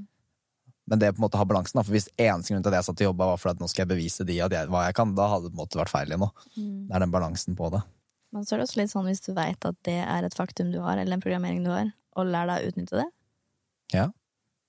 Egentlig. Bruk dine egne svakheter Herregud, det ble skikkelig klisjé, men bruk dine, ja, egne, det- det- bruk dine egne svakheter å finne dine nye styrker. Ja. men, men faktisk, da. Hvis mangler bare briller. Ja, er briller, er takk. Eh, jo, men så, liksom, ok, jeg vil ikke på treningssenteret, men jeg er ikke fornøyd med det. Da drar jeg på treningssenteret. Mm. Selv om den grunnen til at jeg egentlig ikke er fornøyd, er bare helt korka. Ja. Eller en dum subjektiv oppfatning som jeg har blitt programmert på. liksom Bare bruk det for det. Eller at du jobber bedre hjemme, da. Ja? Jobber der. Ja, Ja, hvis, gjør det, du, da. hvis du pusher deg selv mer ved å trene på treningssenter, hvis du merker at der kan du gå litt ekstra, fordi du liker at folk ser 'oi, han der tok 20 reps med det', liksom. Ja, Ok, så bra, da. Ja. Men jeg tror kanskje bevisstheten over det, og faktisk bare har gått igjennom det å stille seg spørsmål, ja, er bra for selvbildet. det er nok en fordel. Mm. Så jeg tror det er eh, Men jeg er enig med deg. Jeg skjønner folk som digger å trene på treningssenter. Nettopp av de grunnene der, og det at du liksom er et miljø Eller du har et, et sted du trener. da Her skal jeg trene, ikke gjøre noe annet. Men jeg personlig liker jo ikke det. Jeg er jo sånn som trener litt i løpet av hele dagen. Jeg våkner, trener i ti minutter, Mm. trener i ti minutter midt på dagen. Og så er det også veldig sånn interessant. Nordmenn generelt. Ja, Norsk kultur. norsk kultur. Man er jo ikke så veldig glad i naboen din. Nei, jeg er ikke så glad i naboen vår. Er du glad i naboen din? I- i- Ikke, ikke, bokstavelig, men sånn hvis du gjør noe. Hvis du sitter på bussen, da. Du Mm. snakker jo ikke med buss, personen ved siden av på bussen, liksom. Han er på treningssenteret og sånn Ja, jeg, jeg snakket med noen der. Å, nei, jeg er så glad i kulturen. Og så er det sånn Ja, du kommer inn der, du tar på headset, du setter opp videokamera, filmer. Det er det du gjør. Mm. Jeg sier ikke at alle er sånn, men jeg syns det er ja, litt litt men det er litt sånn at- generelt, da. ja, jeg bare syns det er litt lættis perspektiv. At å, jeg elsker kulturen der. Det er sånn, ja, du er basically alene når du er der. Ja, sånn, ja. Jeg skjønner hva du mener. Hva tror du det kommer av? At det er det sånn i Norge? For det er sånn Jeg også har jo det perspektivet. Det er jo ikke alle som er sånn. Nei, nei. Så det er liksom mer sånn Folk syns jo jeg er rar fordi jeg smiler til folk på bussen liksom, når de stirrer på meg. Eller vinker. Så mange andre grunner til at du er rar igjen. Ja, takk. Men det er kanskje en av dem. Ja, kanskje. Og vinker! Ja, Jeg ser, på meg Jenny sitter bakerst i bussen og bare Hei, hei. Det må du faktisk gjøre en gang hvis noen stirrer på deg, og de ikke slipper blikket. Så vink. Det er veldig gøy å se hvor ukomfortable de blir. Jeg har ikke opplevd noen stirre på meg så intenst. Så kanskje du i din egen verden ikke får det med deg. Ja, el, ja, det, altså, fordi det, det har hendt at jeg har vært så i min egen verden at jeg stirrer på en person, og så begynner jeg å tenke på andre ting, og så bare blir jeg sånn ubevisst. og så blir jeg bevisst på at oi, jeg har øyekontakt med en. Oi, shit, hva jeg sa. det, Ja, kanskje det er det jeg opplever. Kanskje det er det du opplever? Sånne Ja. som meg, som bare ikke er til stede alltid. og så Og så når jeg vinker, så tar jeg dem ut av Ja. verden sin. Kanskje det er litt lættis òg. Det er veldig morsomt. Nei, men det er jo litt rart det der at man har en distanse fra andre. Men ja, du spurte om hvorfor det er sånn. Ja, det gjorde jeg kanskje. Ja, jeg, jeg vet ikke hvorfor norsk kultur er sånn. Jeg, jeg har jo blitt bedre kjent med en tysker. Og hun sier at tysk også Tysk? Holdt jeg på å si tyskmenn, men det heter jeg ikke. Jeg tror jeg er en sånn derre Nei. Takk. Sånn. Takk. Den fikk du. takk. Tyskere Ja. er litt like. At de også er litt sånn At de liksom Jeg, vet ikke hvorfor det er sånn. Nei. Jeg, jeg har gjort meg opp noen tanker, da. Ja. Um... Det har vært interessant å høre med en samfunnsforsker hvorfor det er sånn. ja. Ja. Veit du om noen samfunnsforskere? Ikke ennå. Hvis noen kjenner noen, så hit me up. hit me up. Hvis noen kjenner noen samfunnsforskere. Give me a PM on eller noe. Ja, ja men jeg, jeg in my DMs. DMs. Sa jeg PM? Ja. PM var det? Personlig melding. Kanskje du skal ta den applausen en gang til? Det var, det ja, det er morsomt. Herregud, de lydene er fæle. ass. Jeg kan bytte ut. Jeg har snakka om det her med um, uh, Mommi, blant annet. Ja.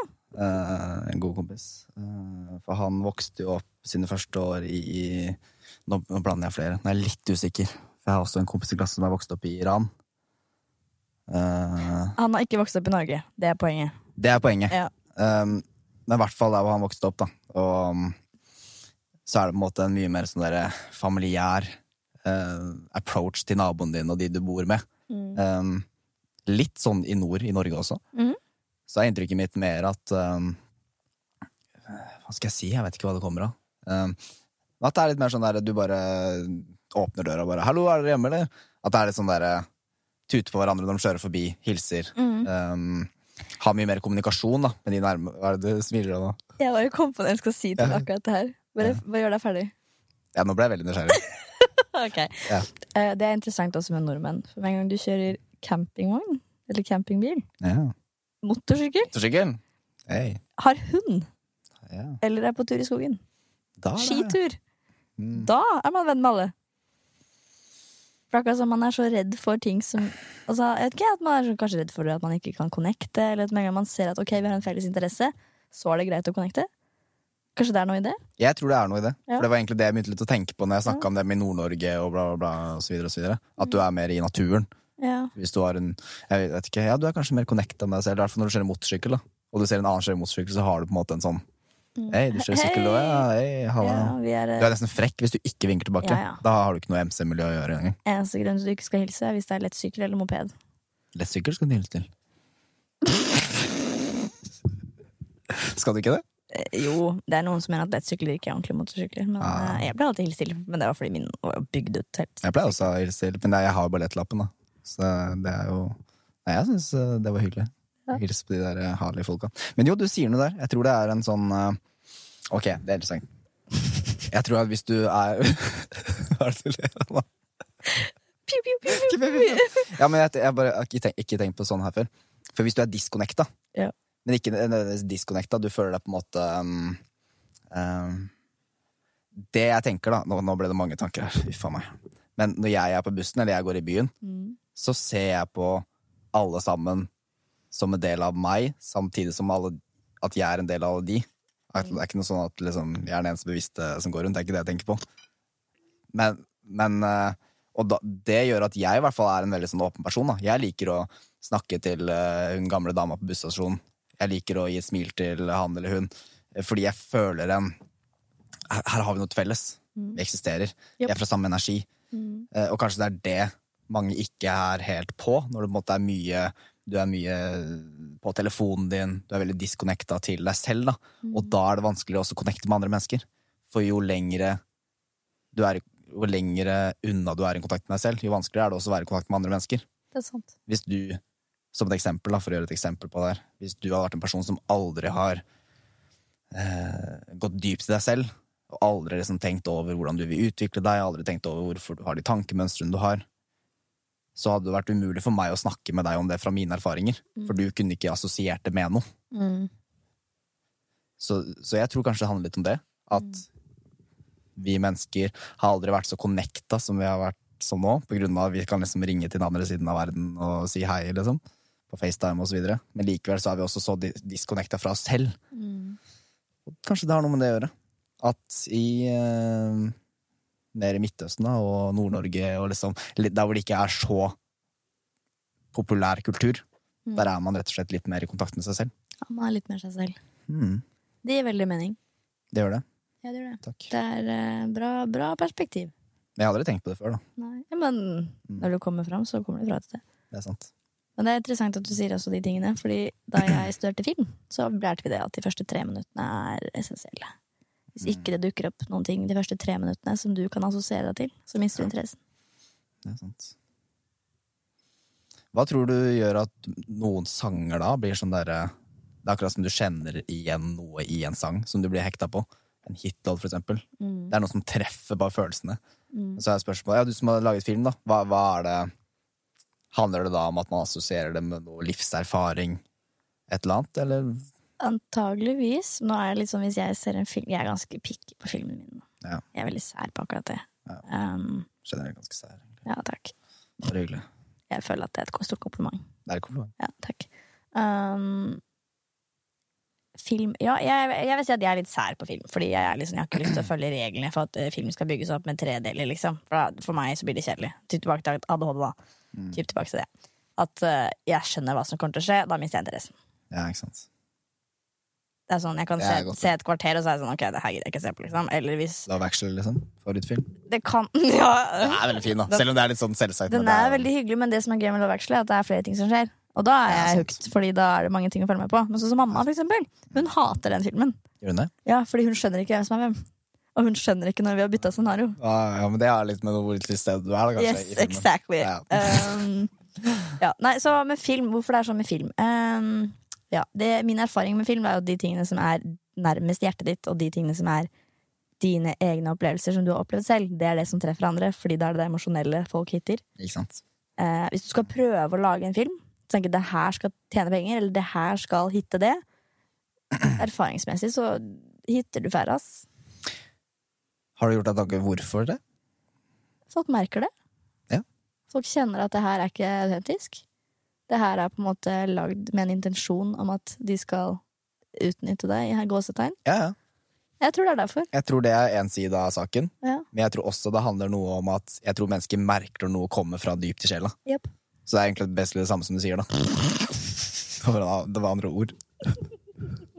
Ja, men du, ja, men Ja. Vi sa det fra forskjellige perspektiv. Er helt med. Ja, det er bra. det er godt å høre med. Ja. For jeg, jeg, jeg tror det er det Jo dypere du henter kunst fra deg selv, jo dypere treffer du hos mennesker. Yep. Og jo dypere du treffer hos mennesker, jo mer uh, fint blir det, da. For det er jo helt vakkert med kunst. Film, musikk, malerier. Hvordan jeg kan bare touche sjela di, liksom.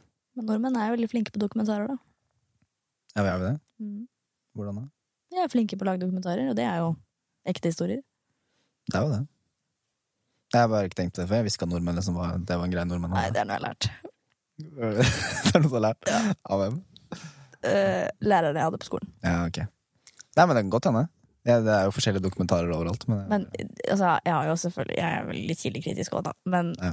uh, jeg syns jo at herregud, jeg er jo som den analytiske bitchen, liksom. Uh, ja.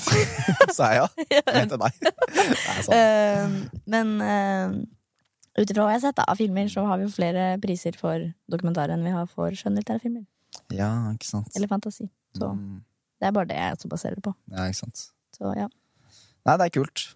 Det er morsomt å være kreativ, da. Hvor tror du Det er kanskje litt samme spørsmål som i stad, men kreativitet Hvor tror du kreativiteten i mennesker kommer fra? Jeg tror liksom tilbake til det du sa med det at man må leke. Mm, Um, for når du, sånn som i går, da, så hadde vi vision board-kveld. Hjemme, hjemme i kollektivet, eller, eller hva? Businessrelasjoner, ja. Businessrelasjoner. Hjemme i huset vårt. Ja. Um, eller Skaperhuset, som vi kaller det. Ja. Uh, Represent represent. Thug Life. Ja, her har vi halvparten av Skaperhuset, men det var ikke det som var fokus. Uh, ja, vi hadde vision board-kveld. Så vi uh, inviterte et par stykker. eh, og så satt vi og lagde drømmene våre og printet ut de tingene vi hadde lyst til å oppleve. da, Oppnå på lerret eller korktavler.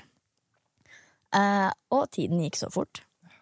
Eh, flere av oss la liksom ikke merke til hva klokka var, og vi bare skapte. Jeg tror når du connecter til de tingene, når det er så mye flow, Ja. eller de tingene generelt i livet som gir deg den flowen, Mm, mennesker også, omgivelser, da tror jeg du connecter til noe høyere. Ja. Og som tilbake til det med purpose, og liksom mer sjel. Mer kontakt. Mer um, autentisk deg selv. Der tror jeg kreativiteten kommer fra. Det er jeg helt enig. Det er veldig fint sagt òg. Og jeg nevnte det kanskje før podkasten, men uh, tusen takk som uh, var med på å innse til Vision Board-kveld. For jeg har aldri prøvd det før. Nei. Det var ganske interessant. Det er noe jeg anbefaler uh, ja, egentlig alle. Hva opplevde du da gjennom den kvelden som førstegangs vision boarder? Jeg opplevde at tiden raste forbi. For jeg gikk helt i min egen sone. Jeg følte at jeg var i barnehagen igjen. liksom. Jeg kunne bare kunne le leke. Um, og så merka jeg at jeg var nødt til å gå litt inn i meg selv på flere måter. For det er liksom, ok, Hva vil jeg ha på et vision board? liksom? Hva vil jeg ha på en 40 ganger 60 cm korktavle som jeg kan henge opp i rommet? Og det, det lærte meg noen ting òg, da. Fordi sånn som jeg satte opp Jeg tror ikke du så det ferdige resultatet, det ble litt seint i går. Um, Reft etter med klokka. Reft etter med klokka. Um, så hadde jeg yin-yang, et veldig fint symbol av yin-yang i midten. Det fikk jeg med meg. Ja. Den så jeg. Eh, fordi det fortalte meg at jeg liksom starta der. Det fortalte meg liksom at ja, jeg vil, det er det jeg vil fokusere på. Jeg vil fokusere på å lære meg balanse. Mm. Det er jo et stort uh, emne, liksom. Det kan connectes til alt. Og så syns jeg det var interessant hvordan jeg da gikk ut fra det. Fordi rundt den balansen så var Tok jeg noen bilder av meg og venner. Mm. Uh, ene bildet var jo dere tre oppe på takterrassen. Mm. Um, for det Jeg ville at det visionboardet skulle én ting være en type manifestering hvor jeg vil, men også en påminnelse. For jeg føler jeg trenger påminnelser iblant over sånne simple ting. Um, som å puste med magen, senke skuldra, holde balanse, ta vare på de nære. Sånne type ting da, som egentlig er veldig obvious, men noen ganger så føler jeg at jeg mister meg selv litt i de prosessene jeg er i, og så glemmer jeg det litt. Så da tok jeg det rundt, og rundt der igjen så hadde jeg litt mer bilder av reiser, eh, fine hus, fine båter. For det er noe som er liksom frihet for meg. Liksom, kan- kanskje bo ved vannet i utlandet et sted. Men så hadde jeg også et bilde nederst til venstre av en dame som står og skriker sånn her. Så det er sånn fada bilde rundt, så du ser at hun er i smerte, da. Som minner meg litt på det at eh, i de tøffe tidene hvor ting virker mest håpløst, og du egentlig bare føler at du kan gi opp. Hvis du kommer deg ut av de, da vil du komme ut av det mye sterkere, mye mer bevisst over hvem du er, eh, mye klarere. Som en påminnelse, da. Om at hvis jeg ser på det sånn som det er i dag, så er jeg bare takknemlig for mine vonde erfaringer. Mm. Fordi det har vært en del av det som har ført meg til der jeg er i dag. Så ja, jeg, jeg, ble, jeg ble veldig fornøyd med det. Og grunnen til at da vennene var nærmest, fordi det er det viktigste. Først balanse over deg selv, og så vennene, og så litt påminnelser, og så på en måte uh, reiser, fine hus, uh, båt.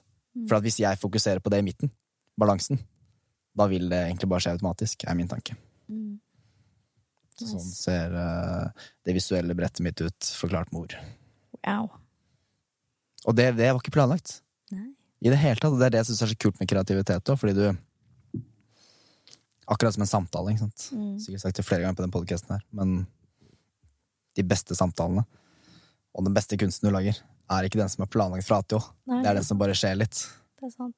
Ja, du kan gjøre deg en Du kan lage deg selv et bilde eller en tanke over hvordan du vil det skal være, på en måte. Men hvis du planlegger det for dypt, så tror jeg man uh, mister litt det autentiske da, i det. Og det liker jeg. Så derfor digga jeg den kvelden i går. Fordi vi satt sammen med gode mennesker. Det var god stemning.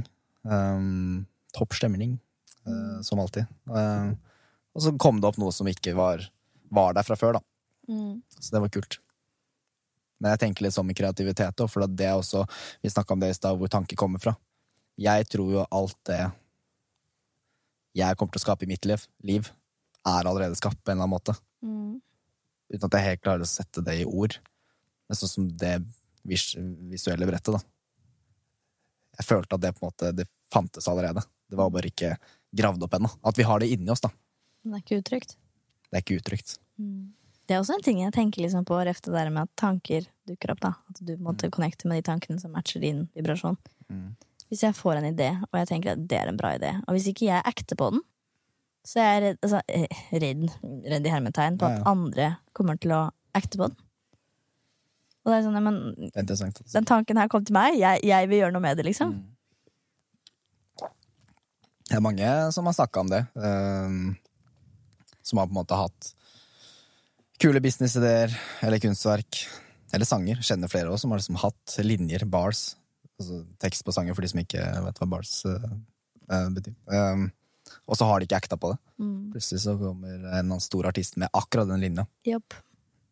Det har jeg også opplevd. Det er gode ideer, og så plutselig bare poff, så dukker det opp. Så er det sånn Og der igjen føler jeg at vi går litt tilbake til det der med uh, at vi kanaliserer, altså vi tar signaler, da. mm, Og de signalene, de kommer av en grunn. De kommer fordi de trengs å komme ut. mm, i verden vi lever i. Og hvis de ikke får det gjennom din kanal, da popper det ut et annet sted. Det er akkurat det. Og det er jo ganske interessant.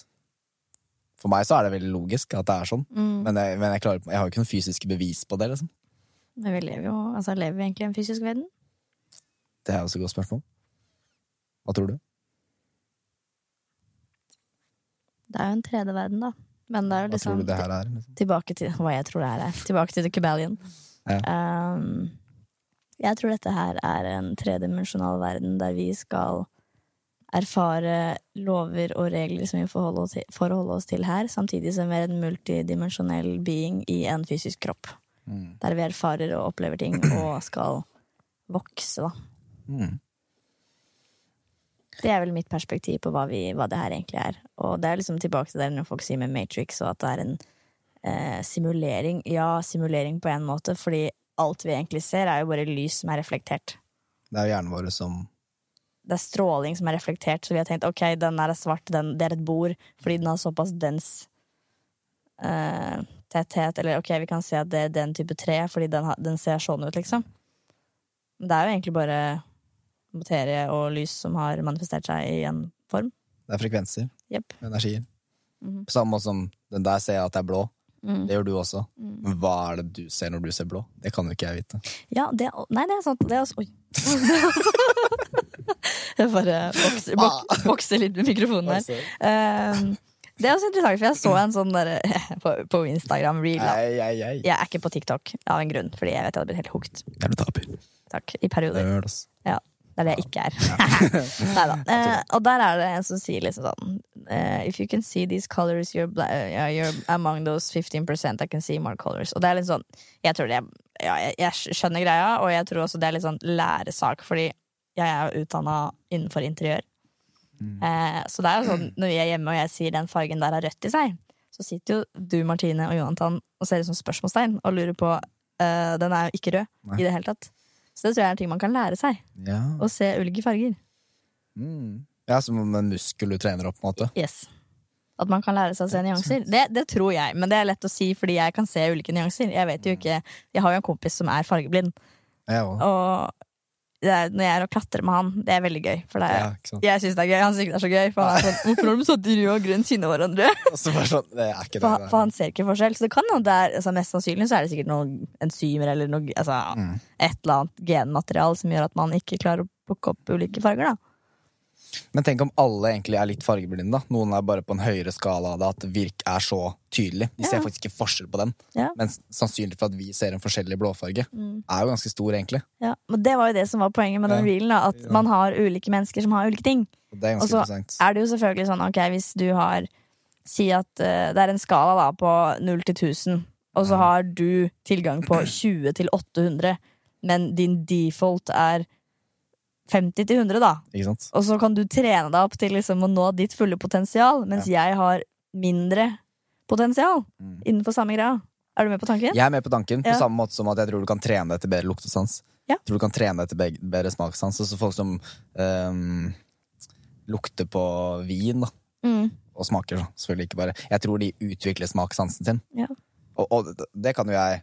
Du er utdanna interiør, og jeg er snart utdanna Hva er det utdanninga mi er, egentlig, etter den skolen der? Jeg er usikker, egentlig. Eh, komponist. Det er det det blir. Ja. Og hvordan jeg eh, merker at jeg nå versus et år siden kan høre detaljer i en produksjon, i en musikk-lydproduksjon, Mm. er jo så mye større nå enn det det var for et år siden. For et år siden så var det sånn, ja, legg merke til den, eh, den hatten der. Og så bare, hæ, den hadde ikke jeg hørt. Å ja, den ja. Hva faen er en hat?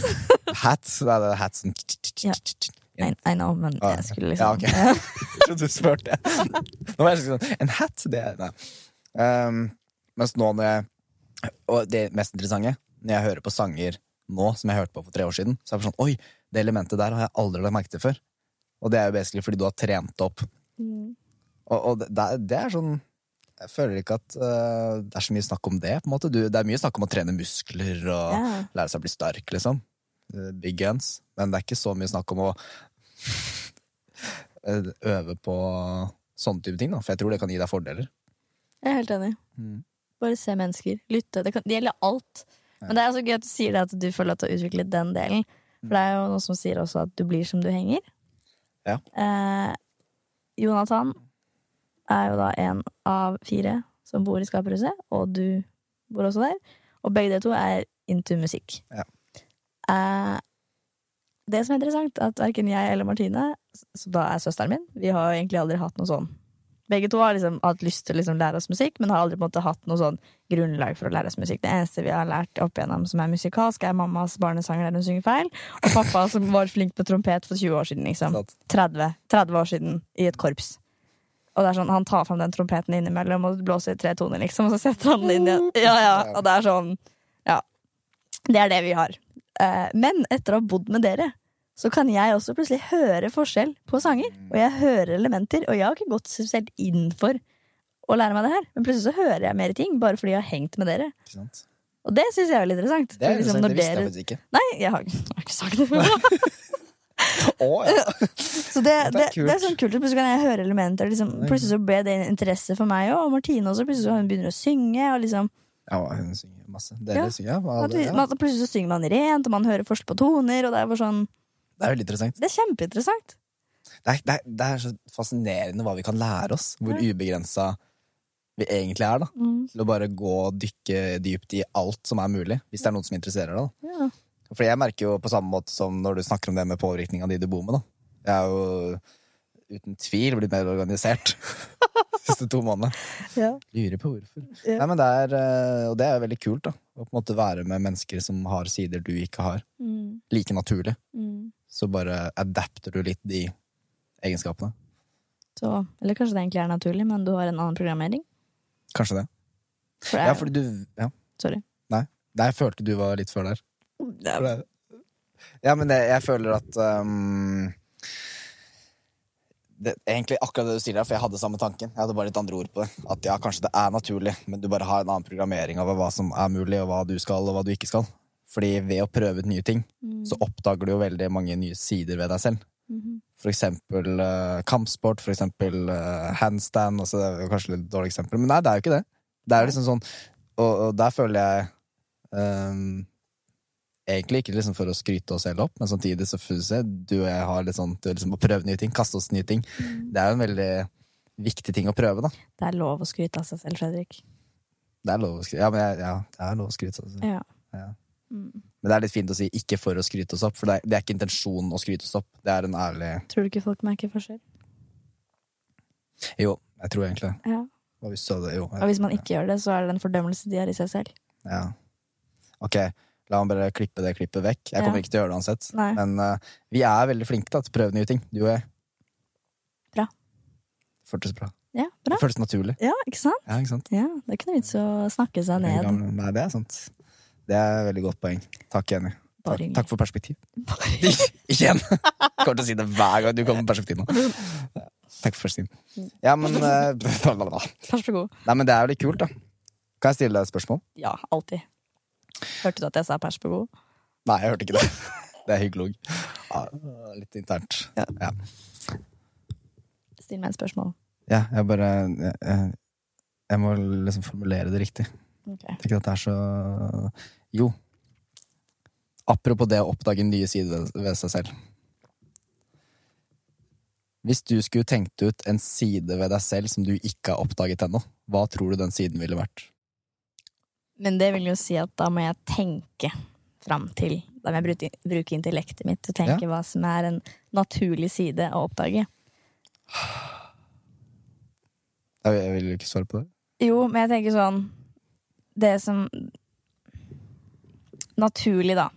Det jeg har mest motstand mot, må jo kanskje være det som hadde vært interessant å oppdage med meg selv. Eller at jeg plutselig får interesse for noe jeg har null interesse for. Ja, ikke sant?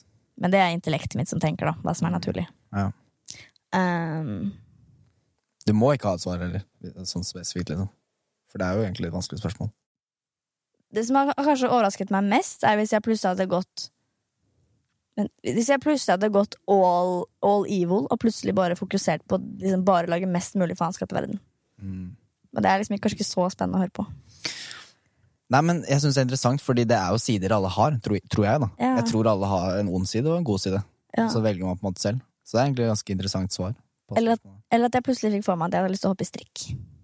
Ja, okay. For det er en ting jeg bestemmer at det skal jeg ikke gjøre. Mm. Challenge. Da da jeg var liten, så hoppet jeg på sånn trampoline, sånn man gjør i Syden. vet du. Ja. Og så røyk den ene strikken, så jeg fikk jo den klaska midt i trynet. Åh, Så ja, og så har jeg ikke tillit til liksom, at strikk Nei, holder Nei. Så det, det er en ting jeg ikke har lyst til å gjøre. Men kjøre helikopter, det skal du. Det skal jeg gjøre. Det er ikke noe stress. Men Du eh, trenger ikke å stille seg så, så, sånn. jo, jo. Hva med deg? Hva er liksom det mest eh, Hva er spørsmålet? Hvis du skal finne ut et uh... Ok. Eh, jeg kan rephrase det. Ja. Eh, hva er en side av deg selv som du fortsatt holder inne, som du har lyst til å sette lys på? Som du ikke har snakket med mennesker om. At det her er noe jeg egentlig har lyst til å gjøre, men jeg har ikke turt å på en måte steppe inn i det.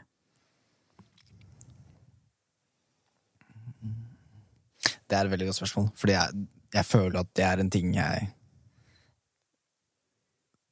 det er, det er frykter jeg har hatt som jeg føler jeg har, er litt dypt inn i nå. At det er på en måte det å uttrykke meg selv, det å være den jeg er. For noen er det en speisa kar, for andre er det en veldig bra person. Det finnes jo garantert noe mer der, uh, vil jeg tro. Ja, når du er 28, så håper jeg det er mer der. Ja, nei, jeg er ferdigutvikla. Jeg ble ferdigutvikla da jeg var 17. Jeg. Ja. Nei, jeg gjorde ikke det. Aldri ferdigutvikla. Um, hva er en side ved meg som jeg ikke helt har oppdaga ennå, som jeg, jeg tok spørsmålet. Jeg klarte bare ikke å Det er, det er et godt spørsmål, ass. Ble, hvorfor stilte jeg så vanskelig spørsmål? Jeg tenkte ikke på at jeg skulle få det tilbake. Jeg tror det er um, Law of rhythm. jeg, jeg tror det er um, å, å ha min, min ideale balanse. Mm. Um, Kall det rytme òg, da. Riktig rytme. Um, men jeg tror det handler om å være en tydeligere person. Ikke at jeg ikke er tydelig, men på en måte mer, mer grensesetting for meg selv. da. En person som virkelig setter grenser. Mm. Som Noe som vil resultere i å skuffe mange, men også gi mer plass til de riktige menneskene. Fordi jeg tror nok jeg har en side i meg selv som eh, bare ikke klarer å avvise mennesker. Så uansett om det her er ikke riktig for meg, så kan, jeg, kan man på en måte la det gå. da Være mye mer tydeligere. Mm. Eh, ha evnen til å faktisk skuffe andre. Fordi det å skuffe andre er ikke nødvendigvis en negativ ting.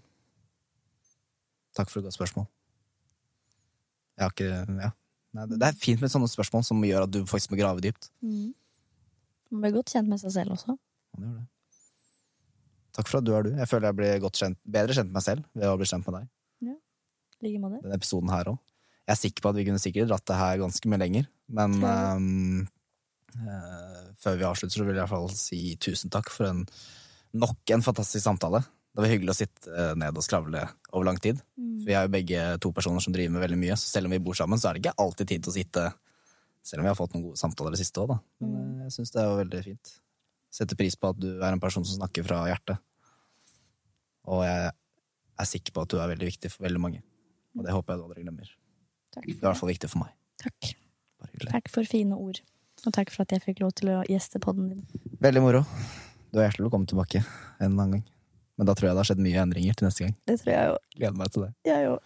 Og så håper jeg at uh, du som fortsatt lytter, har uh, fant denne episoden interessant. Uh, husker å ta vare på de rundt deg, og husker å ta vare på selv.